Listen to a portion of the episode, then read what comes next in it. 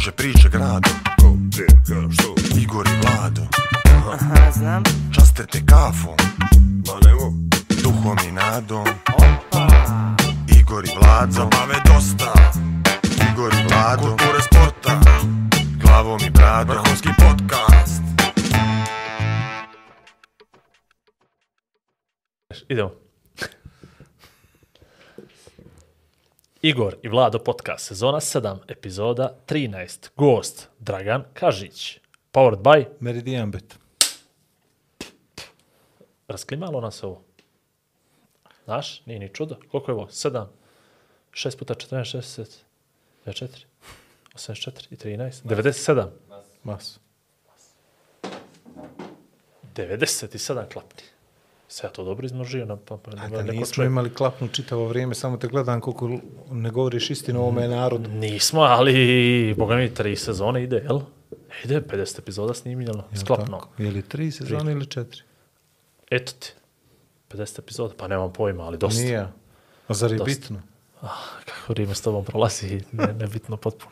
Ma. Ovaj, dobro, Bebo. a, dobro. A, vratio se iz Francuske, Ko ja? to mi je bitno da napomenem ja, ja, ja, Dobro, to mi je bitno da napomenem.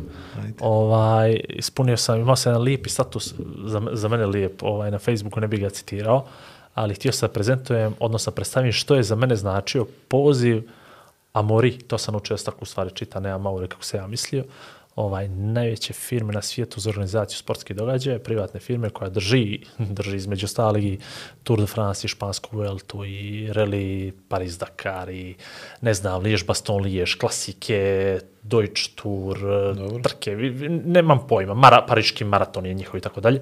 Kad su poslali mail da bi voljeli da dođem da vidim ceremoniju prezentovanja Tour de France 2024. godine, to je bilo, ne znam, Walt Disney pokojni da su stane da te zove dijete da dođe novi Disneyland, ja mislim da to ne bi se neko toliko oduševio kako meni Te to ti bilo. ostavi djecu kući. Te mi cancelova sve, kako sam sa stanke ispomjerao, kakva je to gimnastika bila, ono, žao mi je, moram da idem, hitno je.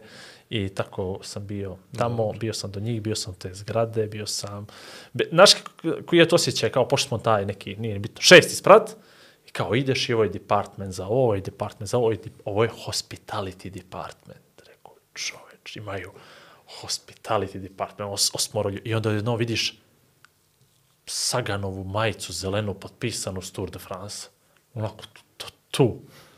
Jo, jo. A, a da, oni kao prolazi kroz hodinu, ovo ti ovo, ovo ti onako, čekaj, stani, stani, čovječ. Pa onda više ovom žutu majicu iz 60 i neke, pa vidiš, ne, ne znam. Ja to, to mislim, mislim da bih volontirao. Znači sad, sad da mi može biti, sad bi ono sve batalije, pošao bi tamo jedno godinu dana, samo da to upijaš, to, to je nevjerojatno. Taj koliko zapravo jedan logo, logo ima moć, ima snagu i mislim da ćemo o tome da pričamo ovaj, i, i večeras, da promijeni potpuno percepciju jednog, ne znam, i naroda, i svijeta generalno. Ne znam, sam ti ja rekao, Dragan je futbolski trener, nije dizajner. Ne, dobro, pričamo o uređenju, o sportu, o kulturi, Dobro, o tome ćemo da pričamo. Ej, jer onda iz Crne Gore trener mi ga vjerojatno ne bi zvali, jel? Hoće, eto tako. ovaj, moram ti ovo, još ovo i završavam sa mojim uvodom, pa ti dalje. E, Tour de France je treći najprepoznatljiviji brend na svijetu. 89, 89% ljudi na svijetu zna za Tour de France. Dobro. Ispred njega, na prvom mjestu, olimpijske igre, 90%, na drugom mjestu FIFA svjetsko prvenstvo i na trećem mjestu Tour de France. Znači, olimpijske igre i FIFA svjetsko prvenstvo svake četiri godine, Tour de France svake godine. 2024. godina Tour de France i olimpijske igre u Francuskoj. U Parizu. Dakle, po prvi put, poslije, ne znam, 80. i koje godine, promijenili su, cilj više nije na, na, u, u Parizu, na Champs-Élysées zbog ovaj, olimpijskih igara, nego u Nici, što je, što je ovaj, fantastično, ali imati tako nešto u Francuskoj, da se malte ne preklapaju, jer počinje tur, počinje 29. juna, završava se 20. nekog jula, kad počinje olimpijske igre? U julu, je li tako? Trebalo bi jul, avgust. Jul, avgust. Jul, avgust. Znači, preklapaju im se Tour de France i olimpijske igre. Što nisu odložili, kako bi mi to odložili lagano. Znači, To je jedna država? od stvari što zna država, što treba da radi i kako da ulaže, kako da investira. Crna Gora da ima Tour de France. Pa rekla bi, vrate, što će nama više To sad išta? Crna Gora da ima Tour de France, imala bi četiri Tour de France u- organizaciji, četiri, Četiri različite firme, sa različitim Oni sponsorima. to u stvari ne znaju to. da rade. Ne, oni baš nisu umreženi dobro, ali to treba. Tako da a, zavidim Francuzima na tome nevjerovatno, ono do bola. I to, i to, pazi, ti ekonomski efekti će da se vide generacijama narednim generacijama. Znači, mi smo ovdje Ja imali vidim da prošle si ti epizode, zreo za jedan specijal. mi smo imali ovdje prošlu epizodu Tomislava koji je pričao o olimpijskim igrama u Sarajevu 84. Brate, 30 godina. Ajmo ajmo da, ajmo da zaboravimo da su bile. Možemo, li? ne Nećemo, možeš. nećemo, nećemo. Pa to ti kaže, ne možeš Ali da zaboraviš ovaj, to. dobro si ovo napravio, ovaj uvod, neočekivano dug, ali dobro. I okej. neočekivano dobar. neočekivano dug.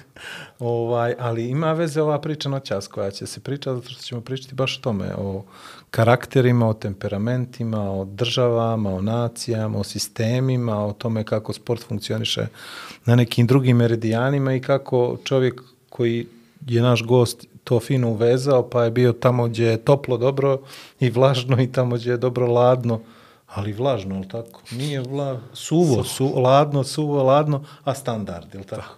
A standard. Tako da ovaj, bit će dobra priča, interesantno da ga ljudi ovdje znaju najviše po jednoj kratkoj epizodi u futbolskom klubu Budućnost, gdje je uspio da skrene pažnju i to na jedan super pozitivan način i to ćemo isto malo da dotaknemo, ali u principu meni je bitno da ljudi odavde uh, kroz lik i dijelo Dragana Kažića ukapiraju koliko može futbal i sport da donese benefita sa jedne strane, koliko može da te onako oplemeni samo ako ti hoćeš, a s druge strane ako ti nećeš, to imamo često i kao trajno stanje ođe.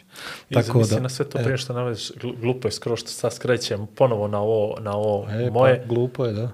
svjetsko prvenstvo u Ironmanu u Nici sljedeće godine ponovo za žene, znači preklapa se kad im je i to, i da ne pričam sad što ono nekakvih, znači imamo sad sv- svjetsko na svjetsko, od svjetskog do olimpijskih igara, sve što poželiš, misliš, će final Lige šampiona sljedeće godine. Dakle, još to bude u Parizi Ne znam, i gasi super. sve. To mi, to mi je nebitno gdje se igra ta utakmica. eto, tako da Ovaj, sad ono... Ono što, ono što hoću da ti kažem još jednu stvar. Ja svaki put kad sjednem s gospodinom Kažićem, ja ponešto naučim. Rekli smo da nećemo da presiramo. Ne, ne, nego sa gospodinom Kažićem. To A možeš to nisam da kažeš, vi. go- možda kažeš gospodine gospodine da ga ne presiraš. da. Naravno. E, nisam to znao. To. dobro. Gospodine, kažeš- uvaženi gospodine Peroviću. Tako je. Nisam vas Možda kažeš i Dragane.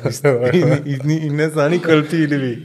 to su sve, sta, pazi, to su stvari koje moramo ja da vladam tim? Tako je, tako je, lažno. I, I ja se nadam da će ova dva sata da ovaj podstaknu ljude da, da ponešto nauče. Da pobjegnu odavde. Što prije. Dragane. izvoli. Dragane, izvoli. Jednu kafu za mene, pa da nam se pridružite. Ovaj, mi, mi pričamo, pridružiš, da. Ne, mi su sad njih dvojica. da ne presiramo. Do kraja Dobro. puhne ručica. E, treba, treba onaj šoljica. Ne, sve šoljica, okej, dobro. sve okej, vlada, Dobro. vlado, čovjek vlada situaciju. Dobro. Ja, ih, E, ja. a, koliko meni trebalo ovo da naučim. Koliko sam puta ovo gledao, sad kažem Draganu, ja nisam naučio redosled pa te zavrat. Ali to je zato što, vidi, kad te nešto ne interesuje. Tako je, tako odbijaš da naučiš. Džaba, znači, Tako to je znam. moj- Znam, na primjer, kao kad bi kolor korekciju radio u premijeri ili tako nešto.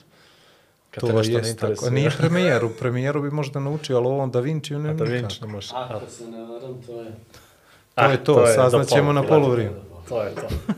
Hvala, dobrodošli Bolje vas našao. i izvoli. Dragane, Kako jesi ovo? dobro? Odlično. Je li to zahvaljujući futbalu? Možda ovoj kafe, ovako miris. da, stvarno s karakteristično miriše, Jeste, baš. jeste. Ovaj kofein, ovaj kofein radi i na miris. Ali nije meni svakad radi, ova, ali možda zato dobar što... je, dobar je miris. Čekaj, piše je ono i ovaj pro- program sadrži pasma Ima na početku, Ima, jel? tako da možda pričaš. Kimbo je. Dobro, za to, okej. za to. Ako neko ispostavi račun, da... A, ne, ne, piše, Ne, mi smo se ogradili lijepo. U, u, mi, mi smo se ugradili, fantastično. na Imamo početku PP na početku, 9 sekundi traje to, ko je shvatio, shvatio i to. Kao to. nije to. I onako nemamo ništa od toga. Zaštićeni. Osim što se, što Ova- se ne spava u... Znači, nema kafe. Kafica, samo za pojedinca. Jel? A čaj? Čaj. Čaj, čaj, to je neko moje piće koje ja obožavam od praktično od vremena kad sam ovaj, otišao u kino.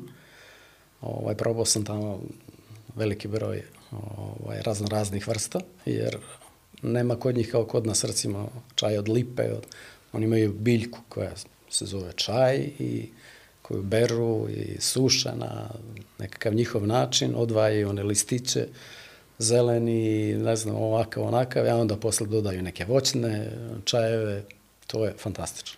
Uh, jednom dano sam slušao priču kako je čaj dobio ime čaj, odnosno zašto se zove ovako. I uglavnom sve je poteklo od tih brodova i uvoza preko Portugala, iz Kine, tim rutama gdje se čaj pakovao i to je jednom postao užasno popularno piće, pogotovo u, u Engleskoj.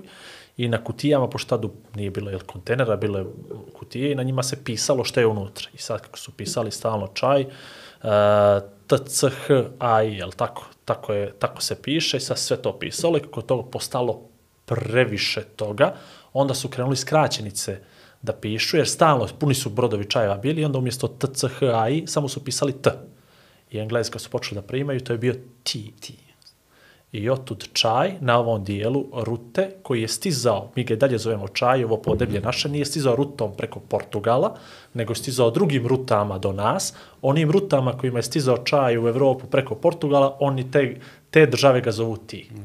I sad kad pogledate malo Britanci, taj dio zapad i ću Francuzi, neki dio, zašto. imaju, zovu ga ti, a mi ovamo i Turci, svi mi ga zovemo čaj ili ta verzija, verzija čaja. Tako Glezi da, kad su, kad su ukapirali moć čaja, oni su htjeli da ponište kineski monopol koji su ovi imali vezano za čaj. I onda su krenuli preko Indije, koja je bila njihova jeli, podružnica, i onda su ti odatle, ti je krenula priča o, o čaju, odnosno ti sa druge strane, jer čaj izvorno se piše na kineskom, odnosno oni imaju svoj znak.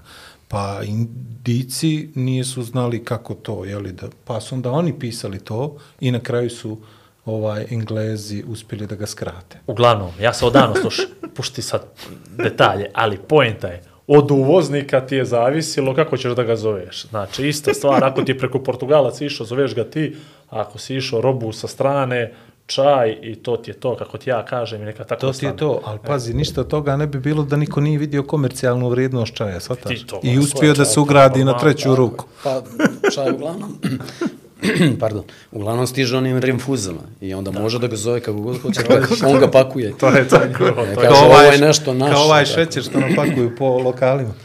Jer, Ovaj, ono, kineski naziv je, kad smo već kod toga, je ča, dva, isto, slično kao što mi kažemo, Turci kažu čaj, isto kao i mi.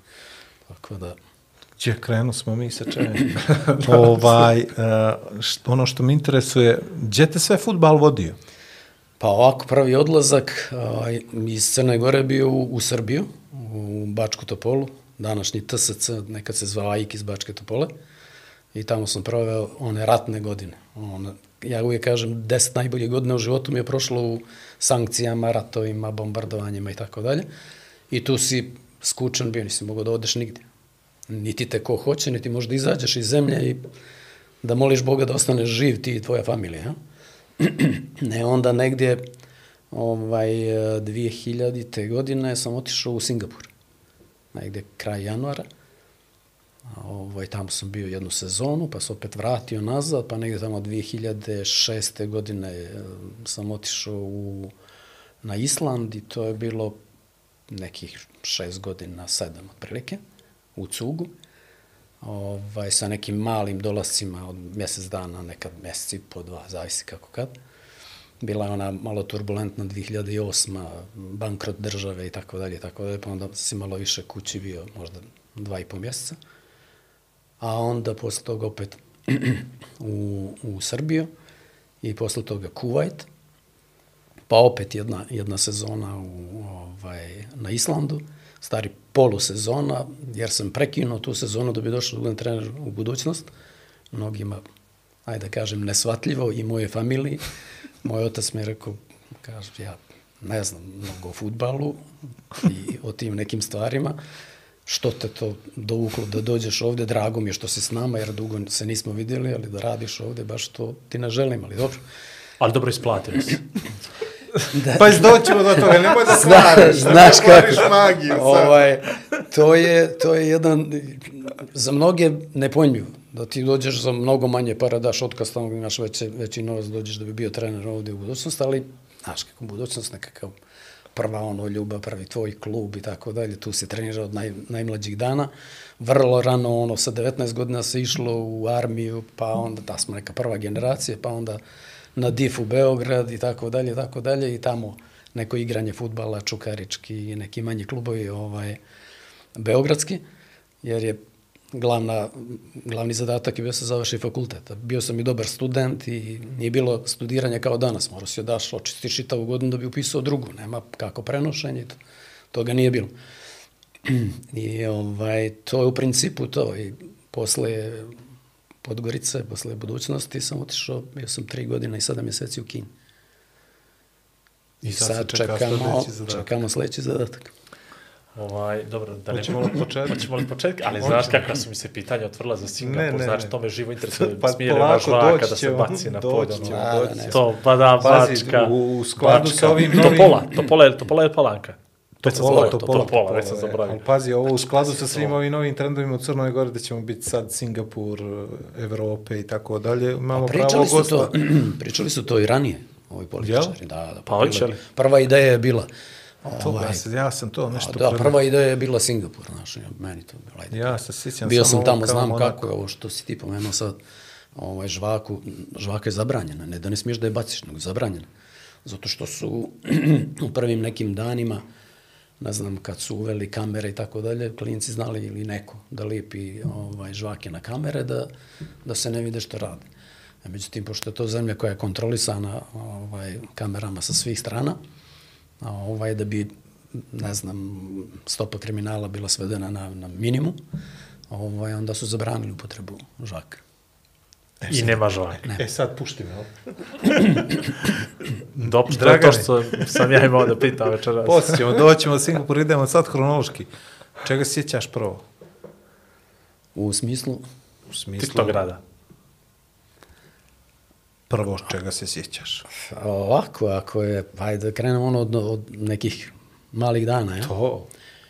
Pa ništa, to je ono život prvo u Momišićima, pa ovaj, prelazak ovdje u centar gdje i, i danas ovaj, živim. On, škola, Savo Pejanović, u stvari, pardon, nije Savo Pejanović, nego Radovica Perović, finih nekih osam godina, jel? Pa onda prelazak u srednju školu, bili smo prva neka generacija ovog usmjerenog obrazovanja. Kako izgledao Tito grad tebi tamo? Tito grad. Tito grad, Momišić. sa malo, sa vrlo malo, ovaj, malo zgrada, sa jako puno prostora, recimo živio sam u, u dijelu Momišića gdje je recimo sad ova, gdje je mljekara nekad bila i tako, to je bila jedna livada, par stotina metara, to smo igrali futbala po čitav dan i tako, to je baš bilo ispred, ispred kuće. Tako da se visilo ono, na futbal po čitav dan. I to su neke one prve, prva drugarstva dobra, pravili mreže, pravili stative, pleli mreže, šta ja znam, igrali ulica protiv ulice za novac i tako dalje, tako dalje. Fali li to ovoj djeci sad? Kako da ne, kako da ne. Pa ja, sam, ja uvijek kad me pitaju tako, što fali današnjoj omladini da bi bili dobri futbaleri, jer stvarno smo imali u Da Crnoj igraju za pare. A, Za romane, pa citiram, za svašta. Da, za svašta. Pa Da, da. Citiram uvijek Krojfa koji kaže, pa dobro, ja sam, kaže, trener u Ajaxu i imali smo treninge sati 15 minuta, tri puta nedeljno. A sa drugarima sam igrao svaki dan 6 sati ovaj, futbala na, na livadi i tako da i tako. I gde sam ja to naučio da igram futbol? Na Nisam sigurno u Ajaxu. I to je, i to je bukvalno to, zato što ti možeš da igraš 10 sati, nego se kaže, pa 10 sati futbala i, i ne znam nekakvih igara, pa da, 10 sati, i ti u 10 sati to nije trening. Ti imaš odmor, ideš, uzmeš sendvič od kuće, pa istračiš napolje, pa sa sendvičem igraš tamo nekih igara i tako dalje, da bi, da bi kroz to učio, hiljadu puta ponovio jednu te istu stvar i onda to jednostavno uđe kao, kao nekakav ovaj, nekakva situacija u kojoj čini ti se kao u košarci dvokorak, ono te neko probudi, ideš, radiš do, jer si go radio 10.000 puta na, na parketu ili na, na, na koš i tako dalje, na nekom terenu. E, tako isto u futbalu. Znaš kako se naučio da vodim loptu na košarku kroz noge. Tako što smo imali jedan koš u naselje i ja sam nikad nisam bio dovoljno star da igram na taj koš, nego sam čekao šansu da se oslobodi da prođe, ne smiješ da pucaš, smiješ imaš loptu i aj što ću kroz noge proba i naučiš da vodiš kroz noge, zato što ideš dva vikenda za redom, nisi ubacio ni jednu, koji čekaš da pane mraje, donesi judo, a ti probaš tri put i ćao kući, tako da Ja. ima to, da, tužna priča, znam, ali Nije ajde. tužna priča, ja sjećam mog, mog druga Srđana Đurovića sa Svetog Stasija, on je trenirao u košarkaškom klubu Kotor i on je znao sa Svetog Stasija da dribla kroz noge od Svetog Stasija do hale. I ja sam jedno vrijeme se govorio, ono, majstore, ti nisi normalno, ono, šta će ti to u životu, ne treba ti to ništa. I onda sam ja jednom prvi put do krive ulice, pa drugi put do kampa, pa treći put do ono kao, brate, ovo je dobro, ono, ono, ni- ništa, mu, ništa mi neće odmoći ovo u životu, a možda sam agilniji, ne znam. Tako je, tako. Da. Nema A sad pojma. dobacimo dijete u auto, dovedemo ga ispred vrata, sačekamo i Sve je tako. nije to ok, to su nova vremena, to su nove stvari, to su nove navike, ali definitivno utičemo na nešto što smo nekad uzimali zdravo za gotovo. Je li se gradio tako s tim igranjem ovaj, i nekakav karakter poseban, drugačiji, jer ja imam osjećaj da iz toga vremena, na primjer, imam ovo što možda imam i sad, i što još uvijek traje, ne sviđa mi se, ali traje, da volim da pobjedim. Ne po svaku cijenu, ali što god da se dešava, ja bih volio da, da, da, da sam najbolji. Pa evo kad smo pričali igraš za novac, igraš za romane, igraš za tako nešto, to pređe jednostavno u naviku, ne voliš, iako ne igraš ni u šta ne voliš da izgubiš, ni protiv brata kad igraš, tako. suze su išle, pa to je, to je jednostavno tako. I onda izgradiš nekakav svoj mentalitet pobjednički. Pričali smo neki dan, ako se sjećaš, kad su igrali ovaj, Manchester United, kad je igrao utakmicu, ako, ako ne pobjedi, ispada iz lige. I ispadne iz lige. A trener Bobby Charlton, a njegov brat trener ekipe proti koje igra. I pitaju novinari, pa kako je moguće da se niste dogovorili, nego veliki Manchester United ispada iz lige. Kaže, pa to je dobro za njih. Kako je dobro da ispadne Manchester? Tako. Oni su sad gubitnici. Oni imaju jako malo pobjeda, jako malo bodova i tako dalje. Teško daju golove, igraju defanzivu i tako dalje. Nisu, nisu konkurentni. A u drugoj ligi, u tom čempionšipu, oni kad ispadnu, oni će pobjede 70% utakmica i doći će ti momci ili neki novi koji, koji budu, koji budu doveli među vremenom, imaće pobjednički mentalitet i bit će potpuno drugačija sezona kad sledeće godine uđu u Premier ligu. I to je to. Mentalitet. Kad kupujemo igrače, nikad ne kupuješ igrače iz ekipe koja je ispala iz lige ili koja se borila za opstanak. Jer mentalitet njegov je luzerski. Znači, tražiš pobjednika, a vinera, hoću njega, on naviko da pobjeđe. I tjera druge, i na treningu, i, i svud. Pa zašto, zašto ima ovoliko igrača u, u Engleskoj koji su došli sa strane, trenera koji su došli sa strane? Pa, pobjednički mentalitet. Hoće to, hoće titule i tako dalje i tako dalje. To je jednostavno tako. Laje Gvardiolu, koga dovodi i kako on bira igrače. Nisu to najbolji igrači. Ali od njih pravi, pravi pobjednike i tako dalje. Znači, zaključak iz ovoga, ako se budem nekad razveo i tražio drugu ženu, nema što drugu ženu, na isto mora da bude prvi brak, jel? Da bi imala taj neki pobjednički mentalitet da će to da uspije. Jer ako nađeš neku koja je već, onate, ali... Ja sam nisam išao to, tome- ja sam išao to logikom, ali nije prošlo. Nije samo prošlo, ti jel? kažem. Ali, zna- znaš, kako bi sad zamislio sa vi, Ali kad- koliko, kad je, koliko je u pravu, koliko je u pravu i kako stvari ljudi drugu šansu ne mogu ni da se nadaju ničem Previše dobro. sam dao drugim šansama. Previše se dao, ali drugim stvarno, stvarno, stvarno mm, odlična analiza, za- zato ja nisam Ima, trener. ima, ima. Zato, zato mi nismo treneri, zato mi nismo Da, da. uspješni A dobro, treneri. ali, ali realno, to je, i život je to, kad dovodite nekog u firmu, nećete dovedete najgore, ili tako? Kad vodite, ne daj Bože, klinča se razboli, tako da budete kod najboljeg doktora, ili tako? Kad ide u vrtić, vodite ga u najbolji vrtić, ne u najgori. To je jednostavno tako. Znači, težiš nečem najbolje. Ako već radim ovaj posao, ja mogu da ga radim dobro, recimo, ali ako, ako nemam sa kime, ako nemam, nemam mentalitet dobar, ako nemam dobro, dobar kvalitet, kako ću ja svoju ideju da prenesem i, i da, je, da je ostvarim sa luzerima? Ne, ne možeš. Jednostavno ne možeš. A eto se sad postavlja pitanje, no preskočit ćemo jedan dio, pa ćeš vlada da vratiš. Kako to izgleda zapravo kad stvarno imate ideju, a to sportisti, Pa ne igrači ne kapiraju. Odnosno, kako, s- do Teško. kojeg se nivoa to mora da se uprosti sad, pominjali ste, pominjao si timove i sad, ok, sa početka karijere, naravno ne može to da bude taj domet to, Tako. ali i limitirane su ideje na kraju krajeva, nije, Tako je, nije, tako je. ti iskustvo e, prvim trenerskim koracima kao nekad koje je bilo.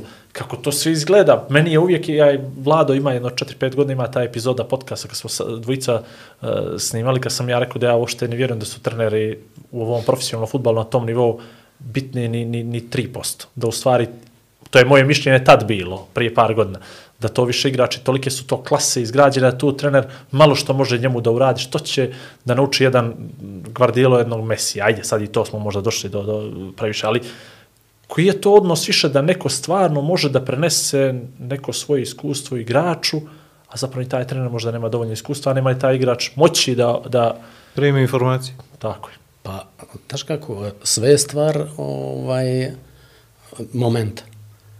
Imaš, recimo, dobru ekipu, a možda ti nisi dovoljno dobar za njih.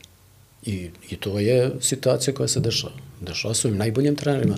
Danas su, ne znam, Nagelsman, ovaj, onaj, tako je, pa dobije otkaz posle, posle par kola. Jednostavno, ne legne ti ekipa, ne legneš ti ekipi, ne legneš toj kulturi i tako dalje i tako dalje. To se jednostavno dešava. Ali po mom nekom shvatanju igrači prave trenere dobri. A šta, šta je trenerova nekakva uloga? Da napravi jedan, jedan, jedan dobru atmosferu, napravi jedan, jedan feeling svima u klubu, da je to jedna porodica, da igramo svi za druge i sad je bitno na koje ću mjesto ja tebe da stavim. Ti si dobar igrač, ali na kom te mjestu ja vidim. Možda ćeš da igraš nešto sasvim drugo. Recimo, Guardiola je potpuno promijenio, ti se sjećaš šta je igrao De Bruyne kad je došao. A sad je jedan od najboljih igrača kao vezni, a igrao je bok. Ali on je jednostavno razmišljao, aha, on ima brzinu, on ima dobar udarac, ali ako mi igra na boku, neće niko doći u situaciju malte ne da šutne na gol. Imaće centar šute. Ali ja nemam, ima sad Haalanda, ali nemam igrača u, u tom nekom periodu ovaj, Koji koji, su mogu to da posprema. Koji su skakači. I šta će mi on ta? Ja ga gubim onda tamo. A on može da mi donese mnogo više. E to su neke stvari koje trener daje ekipi, po, posloži ih na, onda hoću da igram kratkim pasovima, hoću da igram dugačkim pasovima i tako dalje. tako. Bila je jedna priča iz Engleske, odlična akcija, pas i tako dalje, tako dalje, dok su Englezi još ono igrali dugačkim loptama. I kroz sredinu provukli su pas i dali su gol i publika, ba bravo, super, ovo ono. A kažu oni, ali bolje bi bilo, znaš, ono, pas na špica, pa povratna, pa na bok, pa centaršut, pa on zakuca glavom. Jer, je, jer su, tako su oni igrali. 100 godina. I od jedan sad dolaze neki treneri mijenjaju, mijenjaju im sve. Meni se desilo, recimo, to kad sam bio u, u, ovom, na Islandu i treća godina je to bilo, pređem na, na jedno ostrovo, West Manja, 4200 stanovnika.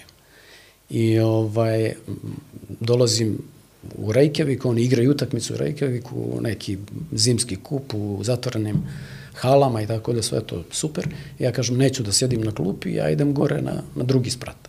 I odem gore, uzmem papir i pišem. I oni najviše pet pasova u prvom polovremenu. Dođu kod mene ovaj, na polovremenu, ja kažem, a momci, ne možete tako da igrate. Imamo tri spora igrača napred i nisu visoki. A igrate na njih, kao oni kažu, četvrta, peta lopta mora da bude dugačka lopta na njih. Na koga? Nemaš visinu, nemaš brzinu. Na koga? E, onda moramo spustiti loptu da da igramo i tako dalje. I onda smo promijenili totalan koncept. I tri godine smo bili treći na, na tom malom ostravu. Prve godine smo trebali da budemo i prvi, ali neki sticajem okolnosti je bilo tako. I tri godine igraš Evropu. Sad je praktično... Koliko njima veoma- treba, ali dobro, to, to bih ja kasnije malo da pričam o tome. Ba ja, o pakovanju ribe ima da o, pitam. o Islandu i o tom A, kad sportskom je, kad je, sistemu ovaj, kad je njihovom pakovanje ribe, to. da, samo da ne zaboravim. Znaš ko je pakovao ribu? James, trener, uh, u stvari golman engleske reprezentacije. David James. Znači, jedno 15 godina sigurno bio prvi golman. Bankrotirao i došao gore i bio golman u toj ekipi sa 42 godine. I ako nije imao novca, a ove gazde koje imaju brodove, ponude mu, ako hoćeš da radiš prije podne nekoliko sati, da režeš ribu, pakuješ i tako dalje, izvoli. I oni to radi. Znaš ko je David James? Kako da ne? Kako Bivši da ne? golman Liverpoolu. Vlado, ovo je podcast za sve i tako da to se podrazumijeva da moramo da objasnimo ko je Podcast čovjek. za sve, Tako, dobro, podcast sviđa za mi sve, se. e. podcast za sve. A, ono što me interesuje je, dobro, futbal, igra se futbal, livada je ljubav prema futbalu, ali ko se brinuo tad o, o tim klincima koji su pokazivali određeni talenat, kako si ti ušao u svijet organizovanog futbala? To je odlično pitanje, zato što tada je bilo jako puno talentovanih momaka. Upravo iz ovog razloga što su svi igrali. Svi su igrali. da.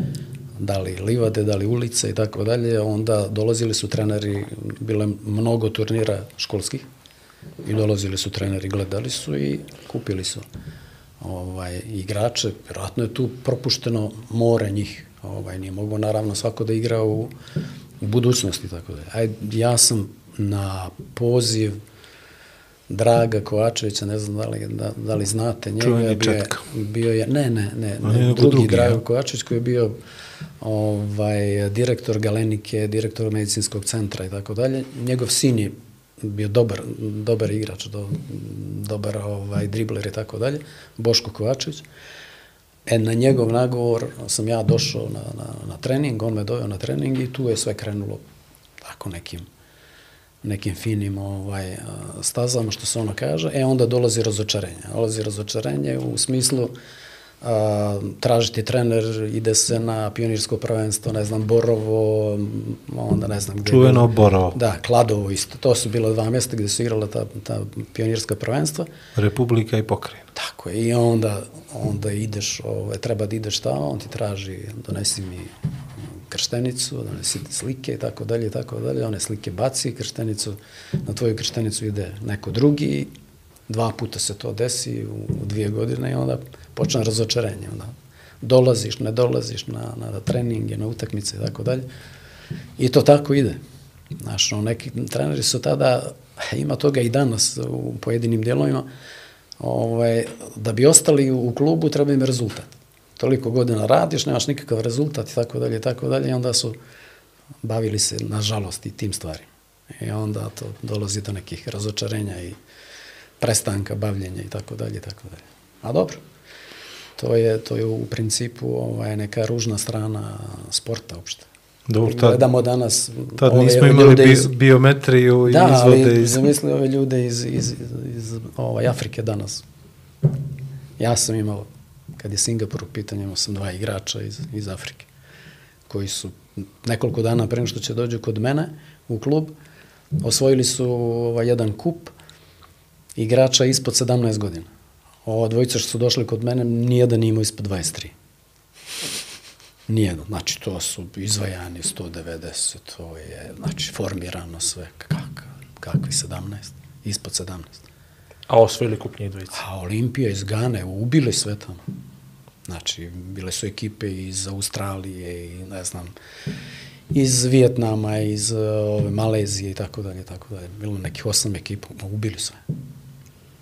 Ovaj, godinama su afričke reprezentacije bile dominantne na svim takmičenjima. Ja zamišljam pasoš, no svaki je pa, ista. u Bafemi Martins jedno 15 godina Pa, da. nije se mijenjao, apsolutno niko nije znao koliko ima godina, a ovo ima priče iz NBA ligu, iz Manute Abola, da je Dikembe Mutomba, da su ono, u, u poznim između 45. i 50.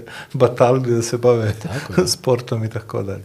Ali ovaj, ono što me interesovalo, šta te držalo ipak pored svih tih razočarenja, šta te držalo u futbalu, ili Pa ono, voliš futbal, zavoliš ga svaki dan 10 sati, 6 sati, igraš futbal i tako dalje. A Ne znam koliko smo turnira maloga futbala odigrali u tom nekom međuvremenu, među prostoru i sa, ne znam, i za novac i bez novca i tako dalje, sa drugarima, igranje, tako baš ono, hiljade, hiljade utakmica. I jednostavno kad nešto to voliš, danas, a, kako u jednom filmu a, rekoše, ovaj, lako je biti čista duša u svijetu bez izazova. E tada nisi imao, jedin izazov je bio da igraš svojim drugarima na livadi, da li je futbal, da li najčešće je bio futbal. Bilo je, i da preživiš bilo to razočarenje koje se dešavalo nekom. Pa, znaš, nije ti to tako ovaj, teško padalo, zato To što... što niko nije mogo to na internet da A, stavi. imao si šta. Znali to, je, to je tako kako je. I tu mi je opet otac rekao ovaj, jednu stvar, kaže, ko ti je trener, ja kažem, da neću da govorim sad ime.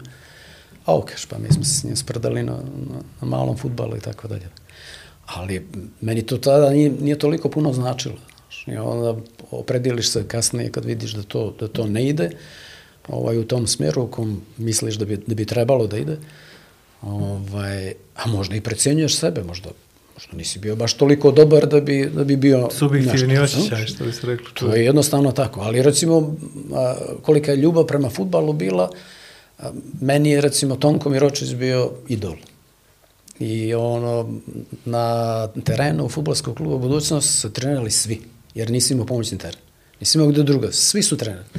I u tom nekom periodu kad sam ja bio pionir, mi smo trenirali prije prvog tima. I uvek smo ostajali da gledamo, da gledamo ovaj, ove starije kako igre. I Tonko Miročić, znači to je mozak. Koliko je Tonko bio dobar, odmah otišao u Englesku, to mu je prvo inostranstvo bilo. A, dobro. A, bilo je tada, ne znam da da li se sjećaš, i, i sam Arsenal je imao problema baš sa tim desetkama i tako, pa su dovodili Pižon, ako se sjećaš, Tako bio kod njih Pižon je malo. tako, da, tako da, a, oni su fajteri. Ako pogledaš i danas a, razliku recimo između, na primjer, ajde, španskog futbala i engleskog. Kod Engleza dominira fight, borba, skok, a, dobri su kao bekovi, tako da je srčani, mogu da se ponavljaju i tako dalje, i ta duel igra. Ali m, teško se javlja kod njih neka dobra desetka i tako dalje. Da, ako španaca ima, ima ih dosta, ima dosta znalaca.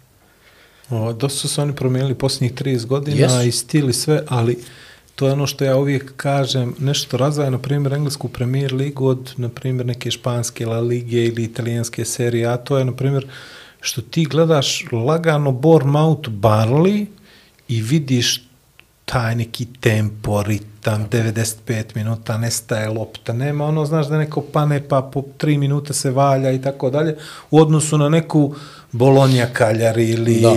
Granada, Girona, to nikad nećeš gledati, a ovo ćeš sigurno, ako gledaš, ostaćeš tu i nikad ti neće panut na pamet da pre, prevrneš kanal i zbog kulture navijanja, da. i zbog svega što stalno se nešto puca sa svih strana, Stadioni stadioni sve je lijepo i tako dalje. Tako da, e, mislim da je to trenutno uz NBA ligu najsavršeniji televizijski proizvod Jest. Premier Liga.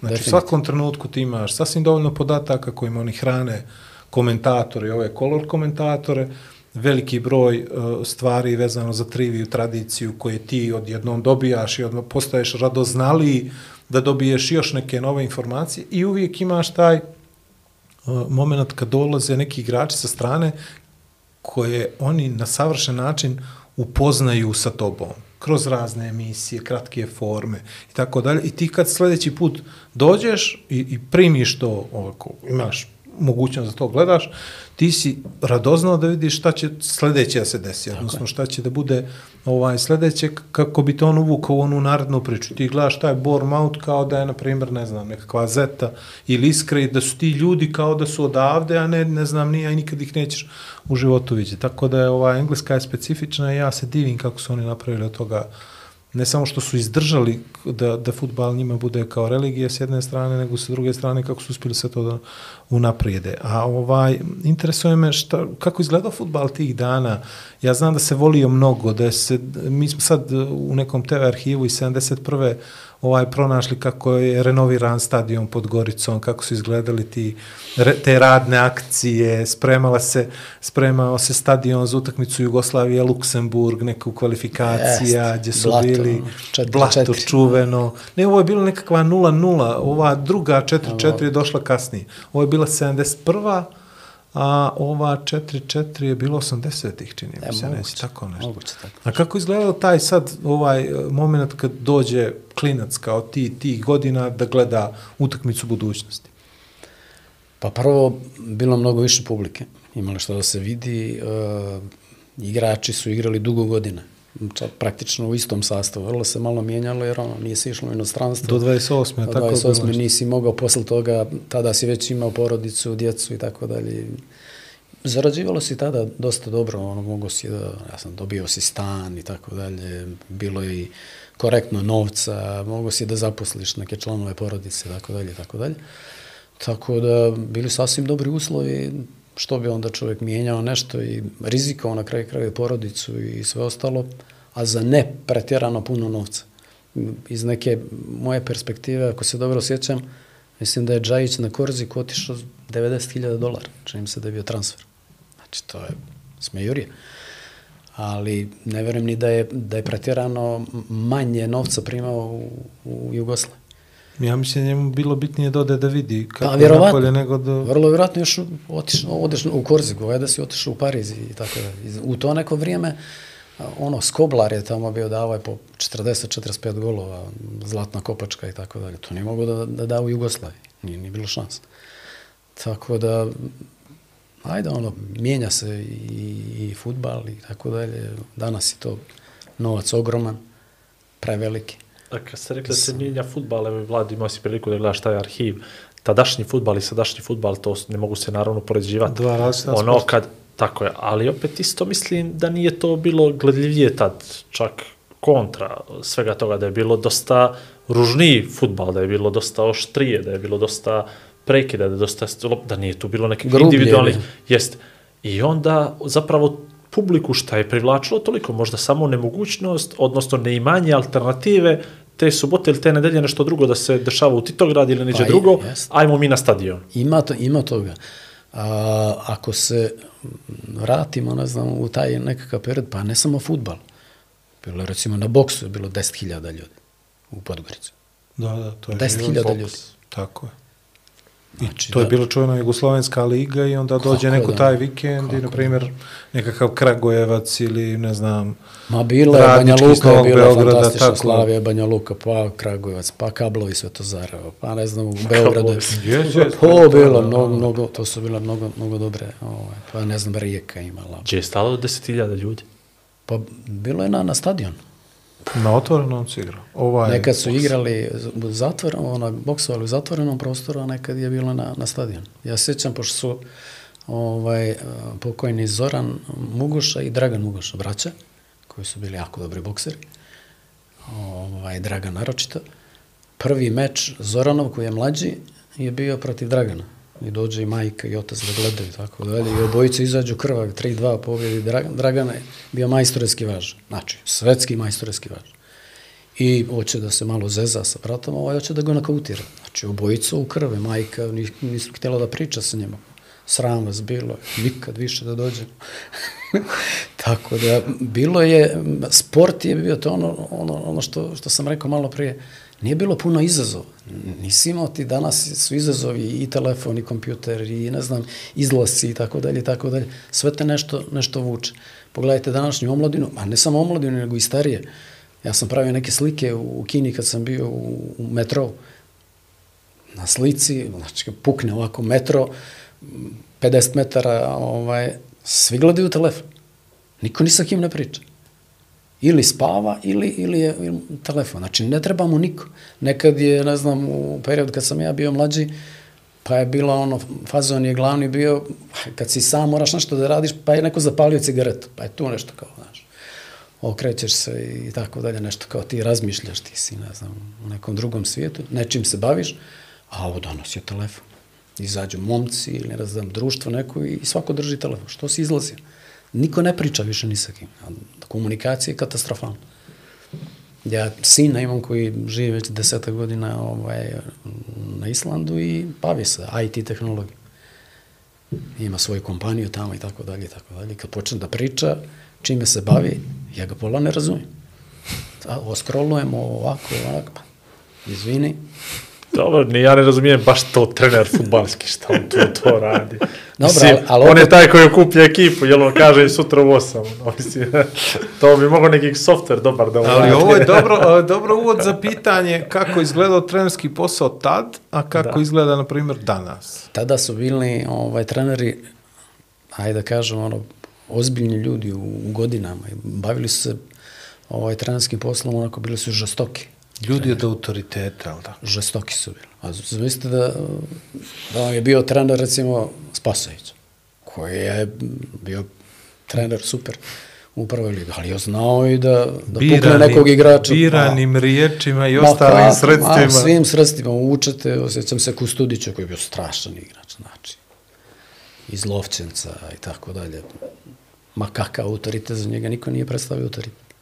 Nebeski skakač, tako dalje. On ga dovede u rijeku, pa ga ne sviđa mu se kako ova igra, ne daje gola, uvuče u slačionicu i tamo objasni. na drugačiji način kako to treba da izgleda. Svega je bilo.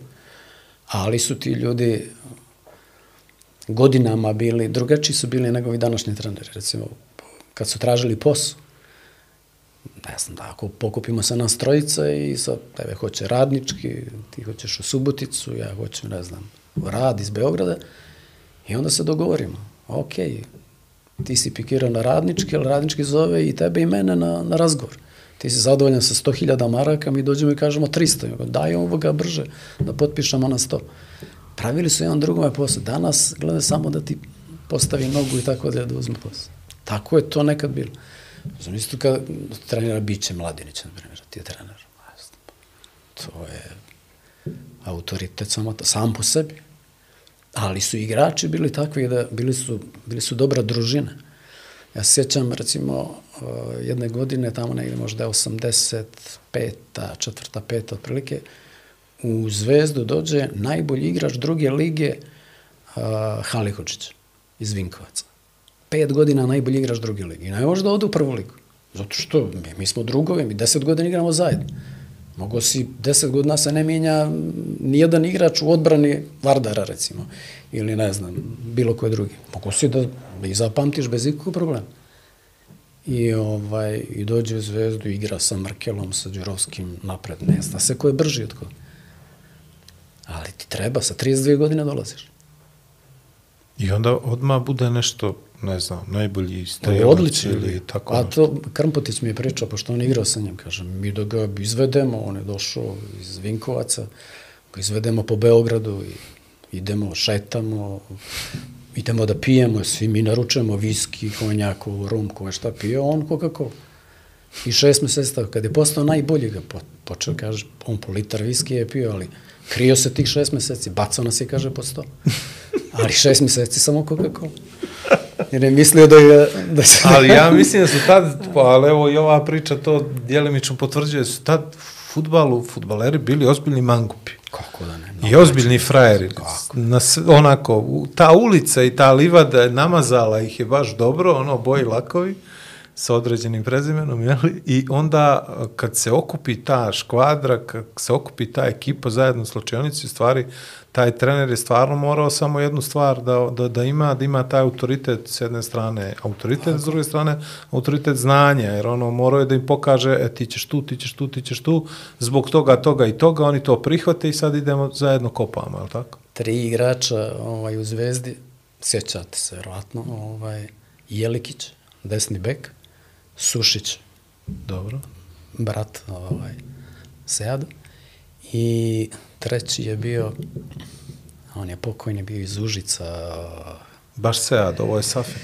da, ovaj, ne mogu da se sjetim sad kako se, kako se ovaj prezime. Tri musketara su ih zvali po Beogradu, znači nema gdje nisu bili, zatvarali kafana i tako dalje, tako dalje. Ali su bili odlični igrači. Kad dođe dan utakmice, on da to što treba i sve mu je oprošteno. Ja sam imao jednu, jednu storiju iz, iz Ajka iz Bačke Topole gdje su ovaj, trener čekao uveče igrače. Znao je da su izašli, u koju su kafanu, znao je i ceh koliko su platili sve. I čeka ih u tri sata, igraju utakmicu tog dana. I on kaže, šta je ovo, momci? Kaže on, šefe, vi na spavanje, mi sutra dobijamo utakmicu. Trojica bili najbolji na terenu, 3-0 glatko su dobili. E, bilo je, bilo je takvih stvari. Bilo je, recimo, stvari, odeš na, na pripreme, pa ti, ne znam, tamo neki momčići dodaju, spustiš kanap, pa ti on veže flašu nečega i tako dalje. Svega je bilo, mislim, stvarno. To su, to su Da, takve to je- generacije bile. Danas to, to ne može danas. Uh, bio neki turnir, nije bio veterana, nego kao All Star, dok sam bio mlađi u Kotorno otvoreni bazen i igrali su waterpolo i ovaj i sjećam se lika iz Kotora koji je uzeo bočicu od jednog proslavljenog vaterpoliste iz Beograda i potego je i bila je rakija unutra misleći da je da je voda koju on cijelo vrijeme cirkao Da.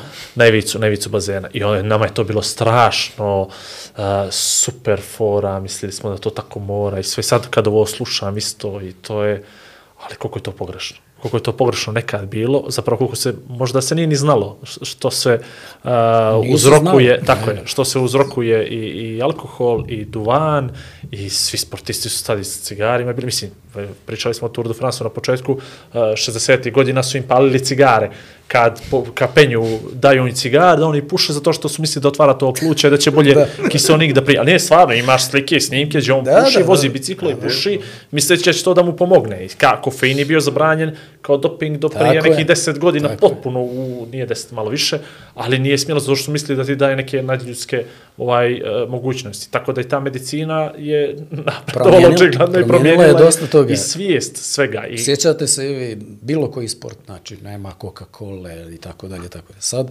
na trci maratona, zadnjih onih 7, 7,5 km, 7 i 200 inače, 795, daju ti kafu, Coca-Cola. I ono te, ono te drži, taj šećer, energija, drži te tih 20 minuta da, da istrčiš. Prođeš kroz zid, jel? Tako je. Ovaj, vidi, e, neka, mislim neka, neću sad nekad i sad, ali sad je nezamislivo što je vlada pomenuo prije nove tehnologije, trenerski pozivi, makar ovo što ja gledam, ne znam kako je u Crnoj Gori stvarno, ali ovo što vidim na, na TV-u, nema više nijednog treninga, bez jednog iPada, laptopa i heart rate monitora na svakog sportiste i da znaš ko ti je koliko spreman i da možeš da Voze mu... dron. Pa ne svi- znam, ne, kažem, hoću, pa to me interesuje dokle sad to Svi stiglo. katapult nos. E, t- to me, to me sad interesuje dokle to stiglo u svijetu. Ne pričam sad najbolji klube. Najbolji klubovi uvijek su tu u eksperimentalnoj fazi nekoj, tako da nemoj, nemojmo da pričamo o Arsenalu i, i Barceloni, nego ajde da vidimo to kako je to, kako to sve izgleda na Isladu, u Singapuru, u Kini, a, kako izgleda modern klub u poređenju sa... Nećeš, nećeš mi verovati. Ja sam otišao u kino sa nekom pretpostavkom da je tamo nauka o sportu je toliko razvijena, jer imaju šampione u pojediničnim sportovima. U ekipnim nema. U pojedinačnim, znači, da li gimnastika, stojni tenis, badminton, skokovi u vodu i tako dalje, tako dalje. Znači, pojedinačni sportovi, jer su oni razmaženi i imaju uglavnom jedno, eventualno dvoje djece, nekad je bilo samo propisano jedno, sad može i dvoje. I to je, to je dijete bilo Boga, znači, ono, gledaš ga, imaš samo njega, ne možeš da imaš drugo dijete i samo njega gledaš. I znači, to dijete je moglo da dođe, da udari, ne znam, da slomi ovu kameru i tako dalje i tata će ga, nema problem, kupit će tata drugu. U, bukvalno tako. I onda dođeš u situaciju da, da taj klinac, znači, može da uradi šta god hoće, postaje sebičan jako i nije za, a, za ekipni sport.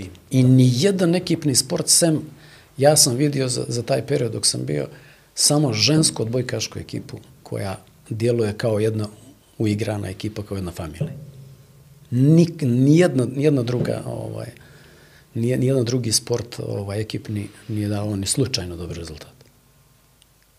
Eto, to su ti neki, nešto što je, i, i zaprepastio sam se kad pričamo o, o tim nekim detaljima nauka u sportu. Zamisli, Vlad, nijedan pregled od pionira do završetka karijere nemaš. Gdje? Ni vađenje krvi u Kini, ni vađenje krvi ništa u Ovaj futbalu. čuveni propisani koji mora s Ni jedan, pečatima. nijed, pazi, dijete se razvija, treba ultrazvuk srca i tako da ja sam mome klincu to radi svaki šest meseci i da ne traži klub. Ja ću ja da sam miran, da vidim kako se on razvija. Šta je to? Kako, Zbog kako čuvenog srce onog radi šuma srca, ko zna koliko ih je Kako da ne? batalilo da igra Kako da ne? sport profesionalno. Kako da ne? Nijedan, ja sam se zaprepastio. Evo ovo, ovo o čemu ti pričaš. A druga priča, kontra tome, Gavrančić, sjećaš se, Goran. štoper, ode iz Čukaričkog u, u Ukrajinu, u Dinamo iz Kija. Iz Kija. I posle šest meseci dolazi u Beograd i pitaju ga, normalno, društvo, kakve su Kijevljanke? Kažu, nemam pojma. Kako nemaš pojma? Kaže, ja sam samo jedan put izašao u Kijev. Za šest meseci. Kaže, nikad odigrao utakmicu za šest meseci, nisam da sam bio svjež. Stavljaju ti flastere po tijelu, prije treninga, odma posle treninga skidaju pod mikroskop, da vidi šta si ti to izgubio, na osnovu toga ti daje hranu, daje ti suplemente na, na, na osnovu toga i kaže samo ležanje, treniranje i to, ništa drugo. Meni pričao Rade Mitović Eto, kad je to branio za ovaj To Brest. fašina. ovaj, u Bjelorusiji, oni su imali, na primjer, taj neki olimpijski centar koji je na sve ličio bez na olimpijski centar i ovaj, u kojem su imali te nekakve jedno krevetne sobe, gdje je bukvalno samo trening i to, i tu nemaš internet, nemaš ništa i to ti je kao karantin pred utakmicu. I njima je svaki put, na primjer, kad idu na neku utakmicu Lige šampiona, ovaj, rukometne, bio kao, ne znam, nija kakva premija, zato što ne moraju da provode to vrijeme tu, u tim, tako da imaš različite nivoje, načina kako se oni odnose prema sportu, sportistima, obavezama i tako dalje, bez obzira da li imaju sredstava, da li imaju i koliko ulažu u nauku itd. itd. Neđe su ta saznanja tu, ali ih ne koriste kao što se koriste negdje na zapadu i tako dalje, nego oni smatraju te neki tradicionalne metodi, ko sad isto imate u utakmica u klubovima italijanske serije, ako nešto ne ide tri kola kako treba, oni odu 100 km od tog nekog grada, odu u karantin, moraju tu da budu htjeli, ne htjeli, znali da tu se ništa ne desi, godinama znamo da tu ništa ne može da se desi sad da će nešto da promijeni, ali to donese rezultat, oni se Promijeniš vrate nazad, ambijent, e, promijeniš samo ambijent Jest, i to je to, da. Imaš uh, jedan detalj iz, iz trenerskog posla, kad uvedeš ekipu iz ko zna kojih razloga u pretreniranost. I onda je, tebi je povećan ovaj, broj otkucaja i kad hodaš. Dostiže 120, 130, tako što je previše. I onda imaš jedan, jedan period, imaš 6-7 dana u kojima treba prvo da promijeniš mjesto, jer dosadilo ti je mjesto gdje treniraš, promijeniš mjesto treninga, pa onda da prvi dan radiš neke lagane stvari gdje, će, gdje puls neće da pređe 130, pa onda je sljedeći dan 135, 140, polako, radiš baš polako da, da izvučeš te ljude iz, iz te krize. Jer jednostavno, što god da radiš, u stepeni se ideš, ti si zamoren, ne možeš ništa da uradiš. A kamo li ideš utakmicu? Konačno, konačno, pazi, posle 42 godine mogu da pitam trenera nekoga, ili ima li istinu u tome kad ekipa ili neko od, da, da odigra utakmicu na svježinu? Postoji li to, jesmo mi to izmislili ovdje u, u Crnoj Gori ili stvarno ima nešto naučno utemeljeno na tome da ono neutreniranu ekipu puštiš i sad oni ću da te šokiram sa jednom, sa jednom ovaj izjavom. Ovaj, ali a, mnogi veliki treneri su pričali o tome. Da je recimo, na primjer, u eri kad su igrali, ajde, Messi i Ronaldo najbolji, pa su igrali 5-6 godina, svaku utakmicu 90 minuta, ne zamaraju se, igraju fantastično i tako dalje, da je dobro za njih da se povrijede, ali da povreda bude takva da recimo pauziraju možda od zadnje utakmice do one naredne koje se igra jedno mjesec dana. Da se depoji krvi ovaj, popune, jer što ti potrošen. Definitivno si potrošen.